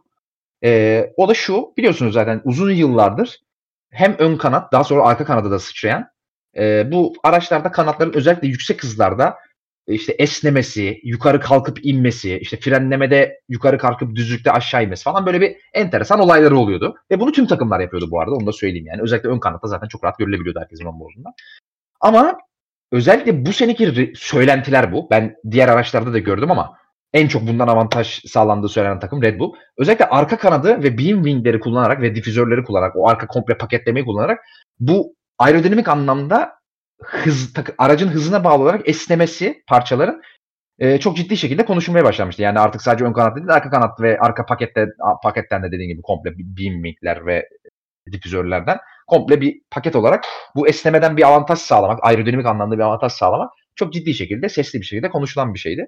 Ve FIA buna el atmaya karar verdi ve bu hafta sonundan itibaren etkili olmak üzere her ne kadar teknik detaylarını çok fazla paylaşmasalar da bizlerle e, bu esnemelerin önüne geçecek. Çünkü bu esnemelerin FIA kurallarında çok uzun zamandır bulunan Movable Aerodynamic Devices yani hareket edebilen aerodinamik parçalar olamayacağı araçta kuralını esnettiği, kuralını çiğnediği daha doğrusu. Ve bundan sonra bunlara müsaade edilmeyeceği ve bunlara ekstra önlemler, ekstra işte e, hesaplamalar, kontroller getirileceği söylendi. Ve Red Bull tabii şimdi bu hafta sonu bir anda böyle yavaş kalınca hemen tabii ki doğal olarak 2 kere 2 4 olarak yani insanlar şey dedi. Demek ki Red Bull önünü arkasını esnetebildiği için bu kadar hızlıymış dediler. Ama ben buna katılmıyorum. Ki benim buna katılmamama destek olarak da yani tabii ki bana destek olarak değil de benim bir argümanıma destek olarak da e, hem Christian Horner'dan hem Helmut Marko'dan hem de Max Verstappen'den e, açıklamalar geldi ve dediler ki hani bizim bu hafta sonunki özellikle Horner'ın açıklamasını özet olarak hepsinin açıklamasının bir özeti aslında. Horner dedi ki hani biz zaten dedi bu yeni direktifle ilgili bir aksiyon almadık. Yani buraya yeni bir kanat vesaire tasarımıyla falan gelmedik. Olduğu gibi aracımızı getirdik buraya. Sadece aerodinamik hani e, daha fazla aerodinami isteyen pistten daha az yani özür dilerim İtalya'da daha az aerodinami isteyen pistten daha fazla aerodinami isteyen pistte geçişte yaptığımız standart değişiklikler dışında kanat aşıları vesaire ekstra bir e, kurallarla ilgili yeni gelen kurallarla ilgili ekstra bir değişikliğimiz olmadı. Buradaki e, performans düşüklüğümüzün tek turdaki tek sebebi lastiklerin doğru çalışma aralığını yakalayamamızdı dedi. Ben de bu sebepler olduğunu düşünüyorum açıkçası. E, her ne kadar bazıları Red Bull'un doğruları söylemediğine inansa da. Çünkü Singapur'da biz bunu özellikle hurbu, e, turbo hibrit çağında çok gördük. E, Mercedes'in de domine ettiği dönemde, Red Bull'un da domine ettiği dönemde e, Singapur'da bazen takımlar lastiklerini kullanamıyorlar. 2015 örneği aklıma geliyor. E, olabilir sıralamalarda özellikle takımların lastiği kullanamadığını ve tek tur performans konusunda oldukça, oldukça zorlandığını biz gördük burada. Singapur bu konuda özel bir pist. Özellikle akşam yapılması vesaire e, sıralama turlarının. E, ben bunun bundan kaynaklandığını düşünüyorum. Ama tabii ki emin değilim. O yüzden Suzuka'yı da görmek gerekiyor bu hafta sonu. Ama ben e, kesinlikle Suzuka'da benzer bir durum göreceğimizi düşünmüyorum. E, ve sıralama temposunda yaşanan bu problemin zaten hani dediğim gibi hani şey de ortada. Hani bir, bir, bir şey bir parça değişikliği yok ortada. Hani ben o yüzden dediğim gibi tamamen tek yarışlık bir denk gelme olduğunu düşünüyorum. Bu teknik direktiften eğer bir zarar görecek olursa takımlar Red Bull veya diğer takımlar ki ben Ferrari'nin ciddi zarar göreceğini düşünüyorum bu arada. Ee, bunun zaman içerisinde olacağı, böyle tek yarışta vesaire görebileceğimiz bir şey olmayacağını, bunun zaman içerisinde gerçekleşeceğini, bu direktifle ilgili, bu gelen direktifle ilgili e, ölçüm cihazlarının vesaire iyice oturduktan sonra FIA'nın da artık bunun hani A'sını, B'sini, C'sini, birini, ikisini, üçünü iyice oturttuktan sonra bu kuralları iyice uygulamaya geçireceğini ve ondan sonra e, bizim aslında bir, bir takım değişiklikler görebileceğimizi düşünüyorum. Dediğim gibi bence bu hafta sonu ile ilgili kesinlikle böyle bir şey yoktu. Ve Suzuka'da da bunu göreceğimizi, tekrar e, durumun eski haline geleceğini düşünüyorum. E, olmazsa çok şaşırırım dediğim gibi. Yanılır, yanılabilirim tabii ki ama ben böyle olduğunu düşünüyorum. E, Koray sen ne düşünüyorsun bu konuda? Benim de farklı fikirlerim var diye biliyorum ama ne düşünüyorsun bu konuda? Abi ben e, sana yakınım ama çok şey değilim hani e, etkilenmeme kısmında ya tabii ki emin olamam hani e, Japonya'yı görmek e, hatta Japonya gibi pistte bunu test etmek bunu görmek daha iyi olacak. Daha referans bir pist olacak çünkü. Ama e, sen de söyledin e, Singapur'da işte daha tipe takımların çünkü daha hızlı virajlara adapte e, araçlar oldukları için ha, bu tarz pistlerde daha çok zorlandı işte sen de söyledin. E, görüyoruz hani zaten bunun bir etkisi Red Bull'da var. Ama e, şöyle bir fark var. Çünkü birinci e, bir şey soracağım. Dışarıdan çok motor sesi geliyor mu? Yok bana bir şey ha, gelmiyor. Ha, çim biçiyorlar da çim biçme makinesi ötüyor dar dar dar da ona Cam, göre camını, camını bir tık aralayabilirsin istersen öyle çözebiliriz o problemi. Bir saniye. Ha, ya şimdi şöyle bir durum var. Şimdi e, hafta sonuna gelmeden önce zaten e, birkaç değişiklikler yapıldı işte. Ön kanatta değişiklikler var. Yani değişiklik derken yani mesela flapler ikinci, üçüncü flapler e, birbirine biraz bağlandı. Çünkü orada sen de söyledin onboard ka- kameralarında vesaire görüyorduk. İşte virajlarda ve düzlüklerde kanadın yukarı aşağı doğru en azından bir kısmının esneyip e, gerildiğini vesaire görüyorduk. Şimdi bu sadece bununla da sınırlı değil. Hatta e, şu, arka kanatta buna benzer bir şey direkt olarak bir değişiklik değil ama e, en azından e, izlenebilir bir hale e, en azından takip edecek e, FIA öyle söyleyeyim. Çünkü mesela dikkat edin arka kanatların e, bazı bölümlerinde işte köşelerde altlarında vesaire va- noktalar var. Mesela bu kanatların hatta bu beamwing'lere falan da daha sonradan bu hafta sonu özel vesaire evet. eklendi bildiğim kadarıyla. E, o noktalardan bu kanatların esneyip esnemediklerini e, analiz e, et, etmiş takımlar. Daha, daha önce de bu esnemelerin olduğunu görmüşler. Ya şöyle, e, şimdi normalde zaten e, özellikle karbon kullanıyorsunuz çok dayanıklı ve çok sert materyaller kullanmıyorsunuz ki esnemek esneme olmasa çok normal bir şey. Ki bu e, zaten bu, ya bu şimdi e, F1 TV'deki yorumcu bir adam vardı. Sam Collins'ti galiba. Kimdi adamın adı? Sam Collins olabilir evet. O, o mesela bir örnek verdi bu hafta sonu bu meseleyi anlatırken. Şimdi normalde bu tarz durumlarda ya evet sert bir malzeme kullanıyor olsanız da esneme olması çok normal. Mesela bir uçakların uçarkenki e, kanat açıları ve esneme durumlarıyla yerdeykenki hallerini kıyaslamış. Yerdeyken gayet düz dururken ya, hava, havada süzülen bir uçak gayet böyle e, Honi gibi şekil alabiliyor kanatlar yani bu esneme hani düşünün uçaklarda bile olabilir ki Formula 1'de biraz daha daha, daha hatta biraz daha değil, daha e, yumuşak malzeme kullanıyor ki burada çok esnemelerin ol, olması çok normal. Fakat ki zaten bundan önce işte hareketli parçalar yasaklanırken e, tabii ki esnemeler çok normal ve buna e, bir şey yapamayız ya da bunun önüne çok fazla geçemeyiz tarzı bir şey vardı. E, to, en azından esneme tolerans vardı. Şimdi takımlarda da şunu gördük diyor e, bir FIA e, tek koltuklu araç mühendisi adını unuttum. Ee, Tom Bazis falan mı? Galiba oydu. Aynen Tom Bazis. Onun dediğine göre e, direkt olarak arka kanatta değil. E, mesela artık takım vermiyor çünkü hani net bir şekilde takım vererek söylemiyor. Yani takımların yaptığı işte bu esneme Şimdi evet böyle bir tolerans veriyoruz ama takımlar bunun etrafından çok fazla dolanmaya başladılar ve e, direkt olarak arka kanatta değil, arka kanatın e, gövdeye bağlantı noktalarında bizim e, gözde göremediğimiz iç kısımlarında e, işte daha yumuşak işte kauçuk malzemeler kullanıp bu esnemeye daha elverişli hale getirdiğine dair bir şey keşfettiklerini söylüyor. Ve e, buna yönelik zaten bundan sonra işte bu esnemeye dair yeni kurallar geliyor. Bu sadece işte taban, difüzör vesaire değil, aynı zamanda tabanda bu geçen seneden beri konuştuğumuz tabanın altındaki alt e, tabanın altındaki e, tahta plakalar da aynı zamanda değişik oluyor ki e, bu bahsettiğimiz bahsettiğim durumlardan dolayı daha yakından izleyeceğini ve, ve e, şunu işte şu kadar esneme vesaire ya da bu parçaların önüne vesaire geçemezsin. Yani parçayla ilgili e, kanatta değil ama en azından esneme seviyesiyle ilgili e, incelemelerde bu bulunacağı söylüyor ve eğer e, fazla bir bu konuda esneme görürsek e, takımların daha çok gri alanların çevresinde bu konuda gezdiğini eğer tamamen keşfedersek hani bu, bunun bir yaptırma olacak vesaire vesaire gibi açıklaması olmuştu.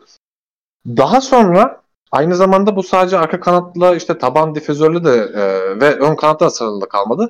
Aynı zamanda aracın e, tabanındaki tahta plakalara da bir değişiklik geldi. Çünkü geçen sene özellikle bunu zaten çok konuşmuştuk işte e, özellikle porpoising yaşandığı dönemde işte Ferrari'nin mesela bundan çok bahsetmiştik. Ferrari çok fazla e, porpoising yaşıyordu ama mesela Ferrari kendi dengesini o porpoising içinde bulmuştu. Ama araç çok fazla yere sürtüyordu ve özellikle o tahta plakalarda çok fazla aşınma meydana geliyordu ki e, hem bu direktiflerden geçen sene yayınlanan direktiflerden biri de o tahta plakaların oradaki tahta plakada olacak aşınma 2, 2 milimden fazla olamazdı. Kural Bu arada o tahta plakaların da niye ilk getirildiğini biliyorsun değil mi? Hatırlıyor musun onu? Niye ilk, ilk niye getirildiğini seneler önce? Abi şey downforce değil miydi? Hayır. A, a, eskiden hani 80'lerde falan arabaların e, bu da şey e, ground effect'in e, olduğu dönemlerde e, arabalar yere sürtünce yere çok yakın olduğu için sürtüp kıvılcım çıkartıyordu tekrar bu kıvılcım çıksın ha. daha cool görünsün diye getirdiler o tahtaları. O, o şey ama abi orada o tahtanın dışında şeyi kullanmışlardı. Titanium ekstra plakalar ekstra onlara eklemişlerdi. Çünkü o tahta bölüm hem e, bir bütünlük sağlıyor orada hem downforce sağlıyor. Özellikle ground effect için zaten çok kritik. Benim bildiğim onu, ona ekstradan onu, bunu ilk getirdiklerinde ground effect yoktu. 2016 mı 17'de mi ne getirdiler bunu? O zaman evet, tamamen kozmetikti. Takımlar sonra bunu tabii şey doğal olarak şey olarak kullandılar yani. Bir sene sonra falan baktılar ki biz buradan dampoz elde edebiliriz yani anasını satayım. Niye boy mal gibi dursun orada tahta yani. Aynen daha sonra hatta ona titanium plakalar eklemişti doğru dediğin. Ee, ve aynen dediğin gibi takımlar bunu e, aerodinami için, downforce etmek için kullanmaya başladılar ki zaten geçen sene Ferrari'nin işte geri düşmesinin nedenlerinden de biriydi. Ve şimdi bu sene bununla ilgili yeni e, direktifler geldi. Şimdi evet böyle işte tahta e, oradaki tahta plaka işte 2 milimetreden fazla aşıramaz işte bazı e, ölçüm noktaları var ki e, geçen sene gelen kuralda bu işte ölçüm o tahta plakanın tamamını kapsamıyormuş bu arada. Ki şimdi %75'ini kapsıyor sanırım. E, hatta o bölümlerde e, oluklu hatta delikli söyleyeyim Dedikli bölümler var. Hatta o bölümlerden de e, o bölümlerin konumu vesaire işte değiştirilemeyecek vesaire bunlarla ilgili direktifler yeni olarak yayınlandı.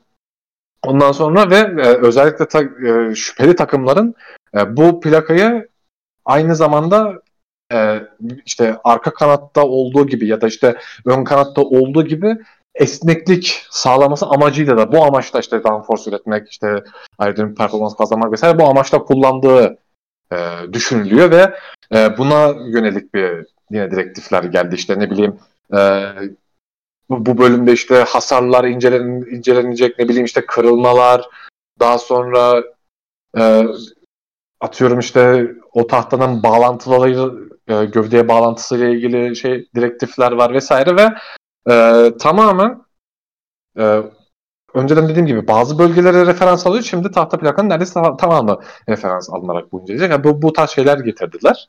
Yani ne kadar etkileyecek tabii sonradan göreceğiz. Şimdi bu tarz değişiklikler var. Şimdi bu değişikliklerin üstüne e, biraz önce dedik evet Singapur genelde tepe takımın için e, zor bir pisttir ve te- tepe takımların performans kaybettiğini görürüz. Bu zaten elde var. Yani onun için Red Bull'un performans kaybının çok çok büyük bir kısmı evet buradan geliyor. Fakat ekstradan şu var. Şimdi sezon başından beri evet diğer takımların e, daha kötü durumda ya da çok çok iyi durumda olamaması da bunu bunu e, buna bakış açısını değiştiriyor ama Red Bull genel olarak çok fazla arkadan kayma ve çok fazla dengesizlik sorunu yaşayan bir takım değildi şu ana kadar. Hatta neredeyse hiç değildi. Fakat bu hafta sonu şunu gördük. Şimdi bu de, direktiflerden sonra e, Red Bull'un diğer takımlara göre zaten geçen seneden beri e, çok daha alçak bir şekilde aracı konulmadığını biliyoruz. Bu hafta sonuna gelirken Red Bull bunu yapmadı. E, tabii ki aynı zamanda bu pistte de alakalı. Hani sadece bu direktiflerle alakalı değil. Bunu tekrar söylüyorum. Çünkü hem e, cadde pisti, tümsekleri çok fazla vesaire. Ya bu, bu, burada aracın yükseltilmesi çok zaten mantıklı bir hamle. En azından aracın hasar görmemesi için vesaire. Bu çok çok büyük zaten denge kayıplarına neden oldu. Özellikle zaten e, birinci antrenmanla Red Bull için bu konu çok kötü geçti. Daha sonra Red Bull biraz daha aracı alçalttı ikinci antrenmanlarda vesaire ve daha iyi performans gördüler ama e, her ne kadar bu değişiklikleri yapsalar doğal olarak işte setupta da bir karışık oldu. Setupta bulamadılar vesaire. Bu da ayrı bir etki. Çünkü araçta çok fazla değişiklik yapmak zorunda kaldılar ve e, sağlıklı bir e, 3 antrenman içinde sağlıklı antrenman seansları geçiremedi. E, bunların etkisi var. Setup bulunamadı. E, değişiklikler var. E, dediğim gibi zaten bunların hiçbiri olmasa bile Singapur e, tepe takımlar için zor bir pist. Onların performansını aşağı çeken bir pist. Ben bunların üçünün de birleşimi olduğunu düşünüyorum. Çünkü e, Red Bull bence olması gerekenden çok çok daha fazla dengesizlik yaşadı bu yarış. Çünkü e, Verstappen'den Verstappen'den telsizden bunu hafta sonu boyunca çok duyduk. Araçta kavga ettiğini falan söylüyordu sürekli. E, sürülemeyecek olduğunu, arkadan çok kaydığını vesaire vesaire. E, çokça şikayetini duyduk. Bununla beraber e, ya yine biraz kabul edebilir ama ya şunu ben çok net bir şekilde söyleyebilirim. Hani bu e, Red Bull'un evet bir performans durumu var ama hani bu sadece e, Red Bull'un kendi aracının yapısı ve piste uyum sağlayamamasıyla bence tamamen alakalı bir şey değil. Çünkü ya biz bunu e, işte dediğim gibi daha önceki işte Mercedes zamanında 2000, 2010'ların başına giren bu zamanda vesaire Hani bu dönemlerdeki Singapur'da da evet performanstan düştüğünü gördük ama performanslar düşerken araçta bu kadar boğuştuğunu görmedik. Ki çok iyi durumdayken bir anda bu kadar e, performans değişimi de görmedik. Ha bu şimdi Singapur bunun için referans alınacak bir pist değil. Şimdi bunu e, Suzuka'da çok daha iyi göreceğiz. E, bence en net gösterge olacak ki tamamen bir anda yarış pistine gitmiş olacağız. Ben kesinlikle Red Bull e, aşağılara düştü işte 4. 5. takım olacağını vesaire düşünmüyorum. E, Red Bull bence yine en hızlı takım konumunda olacak. Atıyorum Red Bull yarış temposunda diğer takımlardan 0.7-0.8 saniye öndeyse ya bu 0.5 saniye olur. Örneğin örnek olarak söylüyorum. Hani o farkın biraz kapanabileceğini ama diğer takımların Red Bull'un önüne geçeceğini asla düşünmüyorum. Ee, onun için hani dediğim gibi sadece e, araçla alakalı değil sadece kural değişiklikleri alakalı değil. Sadece pistte alakalı. Hepsinin bence birleşimi e, olarak düşünüyorum. Dediğim gibi kesin bir şey söyleyemem. Bu sadece benim görüşüm. Ya, haftaya çok net daha net göreceğiz. Ama dediğim gibi Red Bull ilk takım olarak kalır. Sadece biraz aranın kapanmasını bekliyorum.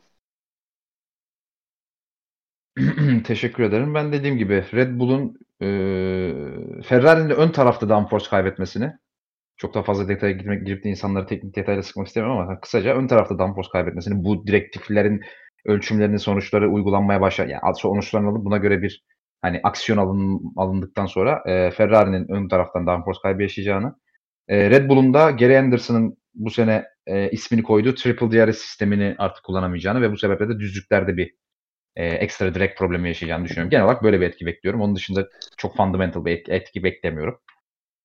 Abi ee, bir de ben e, bir ek yapacağım. E, şey sen Ferrari deyince. Yani ne kadar doğru bilmiyorum. Hani e, doğruluğundan emin değilim. Ama galiba Ferrari bu direkt, direktiflerden sonra araçta bir değişiklik yapmamış. Mesela bildiğim Red kadarıyla Bull, Red Bull, Red Bull da yap Red Bull da yapmadık diyor zaten. Horner'ın direkt şöyle bir cümlesi Yok var. abi şey Red Bull yeni arka kanatla tabanda değişiklikler yaptı.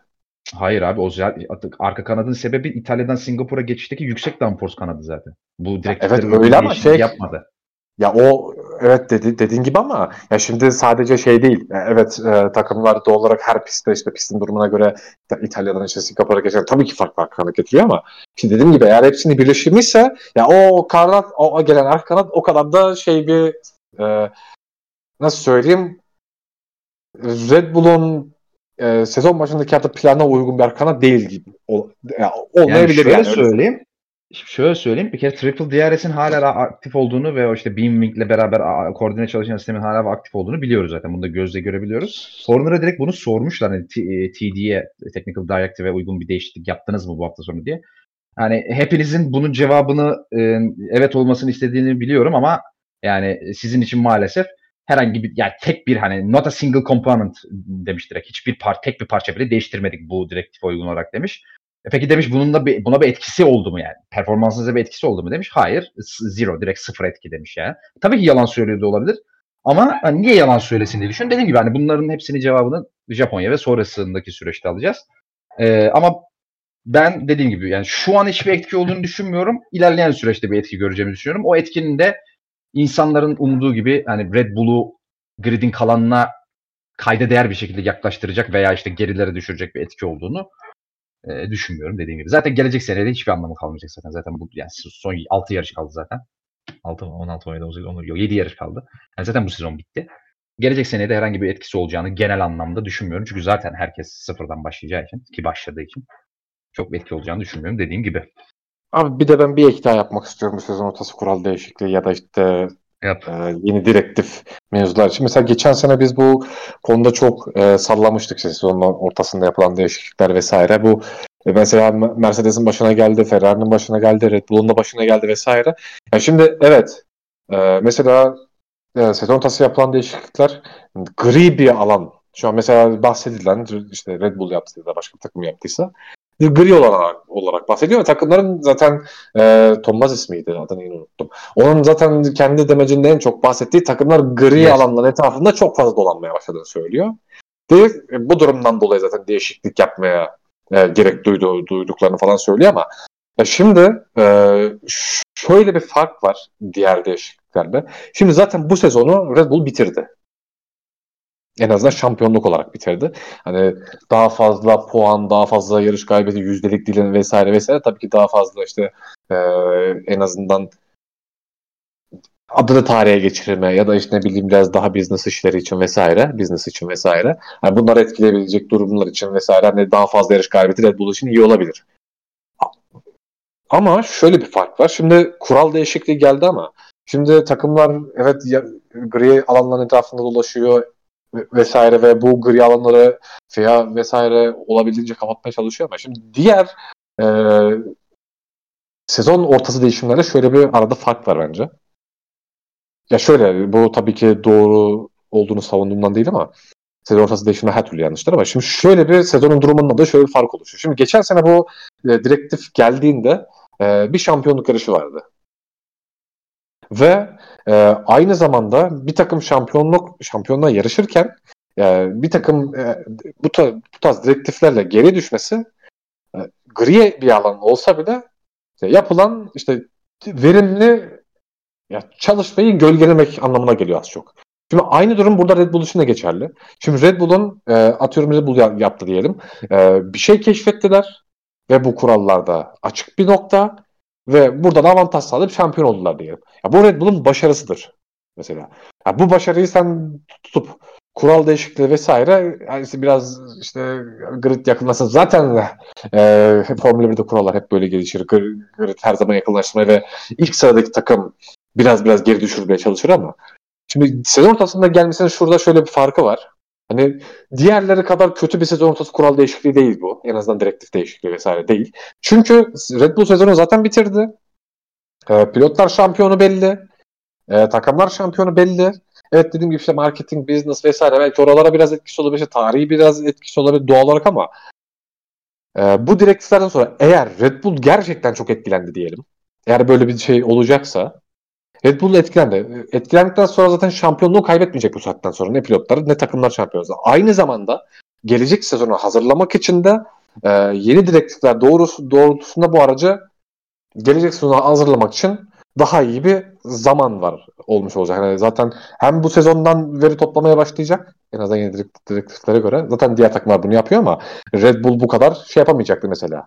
Çünkü kullandığı başka bir sistem var. En azından gri alan vardı. Şimdi o gri alandan gri alanlar kapatıldıktan sonra ya başka bir gri alan keşfedilecek ya da en azından şu anki duruma uygun bir araç için daha fazla çalışma zamanı olacak. Onun için bir tek Red Bull'un sadece şampiyonada açtığı puan olarak hani diğer takımlar kadar bence çok etkilenmeyecek. Hani e, aşağılara düşse bile. Çünkü hem gelecek sezonu aracı daha iyi hazırlayabilecek. En azından daha doğru en azından kuralları daha uygun bir şekilde hazırlayabilecek. Hem de e, sezon ortası sezon içi bu sezon için çok fazla bir şey kaybetmeyecek. Yani sadece böyle bir fark olsun diye bunu değinmek istedim. Ya sezon ortası kural değişikliği meselesiyle ilgili şöyle bir e, e, istisnai bir fark var bu olayın diğer seneler içerisinde gördüğümüz olaylarla. Örnek vermek gerekirse işte 2020'deki Mercedes'in DAS sistemi işte ne bileyim 2011 o, o sezonun ortasında önce yasaklanan sonra tekrar sezon boyu serbest bırakılıp sonra 2012'de tekrar yasaklanan egzoz bezlemeli difüzör. İşte 2009'da gördüğümüz çift katmanlı difüzör 2010 yasağı işte ne bileyim 2006'daki Renault'un Tune Mass Temper'ı sezon içerisinde yasaklanan işte e, 99'daki McLaren'ın 3. pedalı, ikinci fren pedalı, arka frenlerin sadece fren, arka lastiklerin fren yapmasını sağlayan falan. Hani bu e, bunların yasaklanması sezon içerisinde veya sezon sonundaki yasaklanması ve işte hani e, yıllarca yapılan tartışma işte Formula 1'deki işte te, hani mühendislik kapışmasının önüne geçiyor mu geçmiyor mu falan filan ruhuna aykırı falan. Bu, bu, bu son teknik direktifin şöyle bir farkı var. E, hani biraz FIA bekçiliği yapmak gerekirse onlara da biraz hak vermek gerekirse bu bir kural değişikliği değil aslında. Çünkü neden? E, kurallarda aslında hiçbir değişiklik yapılmadı. O yüzden teknik direktif diye söylüyoruz. Aslında bunu şey diye düşünmek lazım.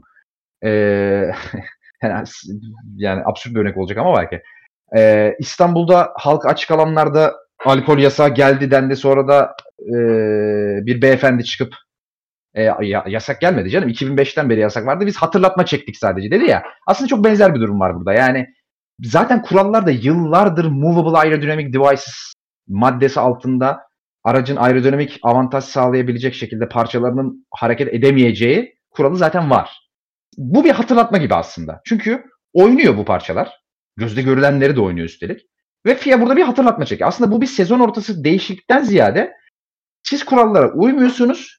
Biz de kurallara uymadığınızın farkındayız. Ve bu konuda da gerekli adımları atacağız. Hani madem mevcut kurallar sizin bunları bu kurala yani mevcut kurallarla siz bu e, kurala uymamanın tırnak içerisinde legal bir yolunu buluyorsunuz. O zaman biz de bu kuralları e, kitabına uygun şekilde genişleteceğiz, değiştireceğiz ve daha iyi enforce edeceğiz demek bu. Aslında dediğim gibi bu o yüzden tam bir kural değişikliği olarak sayılamaz. Ha sonuçta pecking order'a etki ediyor mu? Eder mi göreceğiz ama etme ihtimali var, var mı? Var. E, takımların güç dengesini değiştirme ihtimali var mı? Var. E, sezon ortasında yapılması hoş mu? Değil. Şahsi fikrim. E, ama bunu dediğim gibi zaten bitmiş bir sezonda senin de dediğin gibi 2024 sezonunun önünü almak için yapıldığını düşünüyorum ben daha çok. E, ve dediğim gibi hani kural değişikliğinden ziyade kuralın hatırlatması gibi daha çok bu. E, ve bence de doğru bir şey. Ya, illa yani zamanlamasından bağımsız olarak yapılması doğru mu? Doğru çünkü madem böyle bir kural var o zaman kurala uyulsun abi. O zaman ya da kuralı kaldır yani. Hani Yani movable aerodynamic devices yeni bir kural değil. E, e, kural orada oluyorsa, varsa, kaldırılmayacaksa e, o zaman uysun abi takımlar. İki kere iki dört yani. Ben de bunu ekleyip bitireyim. Artık yeni bir yeni bir ekleme yapacak mısın bu konuda? Yok daha yapmayacağım. Bir ekleme Ee, ha bir de şey var abi. Devam. E, blokluyorum. Var mı bir şey? Yok. ee, yine çok konuşulan e, ta bir önceki yarıştan itibaren e, bir Helmut Marko meselesi var. E, en hafif tabiriyle söylüyorum. Bir zevzekliği oldu. E, Helmut Marko ama en hafif tabiriyle söylüyorum bunu yani. Mazur görün beni o yüzden. Hafif aldığımdan dolayı değil yaptığı şey. E, bir, so- bir önceki yarış olan İtalya Grand Prix'sinin ardından Helmut Marko Perez ile ilgili kendisine sorulan bir soruya cevap olarak e, bir Perez Vettel kıyaslaması yapmış. Ve Perez hani hangisi daha iyi gibi Red Bull'la performans anlamında bir gibi bir hani Vettel'in çünkü Perez'in yerine tekrar Red Bull'un ikinci koltuğuna oturabileceği vesaire konuşuluyor. Bununla ilgili bir soruydu bu. Ee, şöyle saçma sapan bir cevap vermiş Helmut Marko ve demiş ki Perez Latin Amerika kökenli olduğu için yani ne alaka? Ee, Vettel ve Verstappen kadar odaklanamıyor. O yüzden bazen böyle konsantrasyon kayıpları yaşayabiliyor demiş. Tabii skandal oldu bu. Ee, Perez'e soruldu bu. Perez dedi, dedi ki hani e, ben bu durumdan sizin tahmin ettiğiniz kadar rahatsız olmadım. Helmut'la da zaten özel bir görüşme yaptık konuda ve kendisi benden e, sözlerinin yanlış anlaşıldığını ve eğer onu kırdıysam özür dilediğini söyledi demiş Perez. E, benim için de asıl önemli olan bu özür dilemesiydi. Hatasının farkına varmasıydı demiş.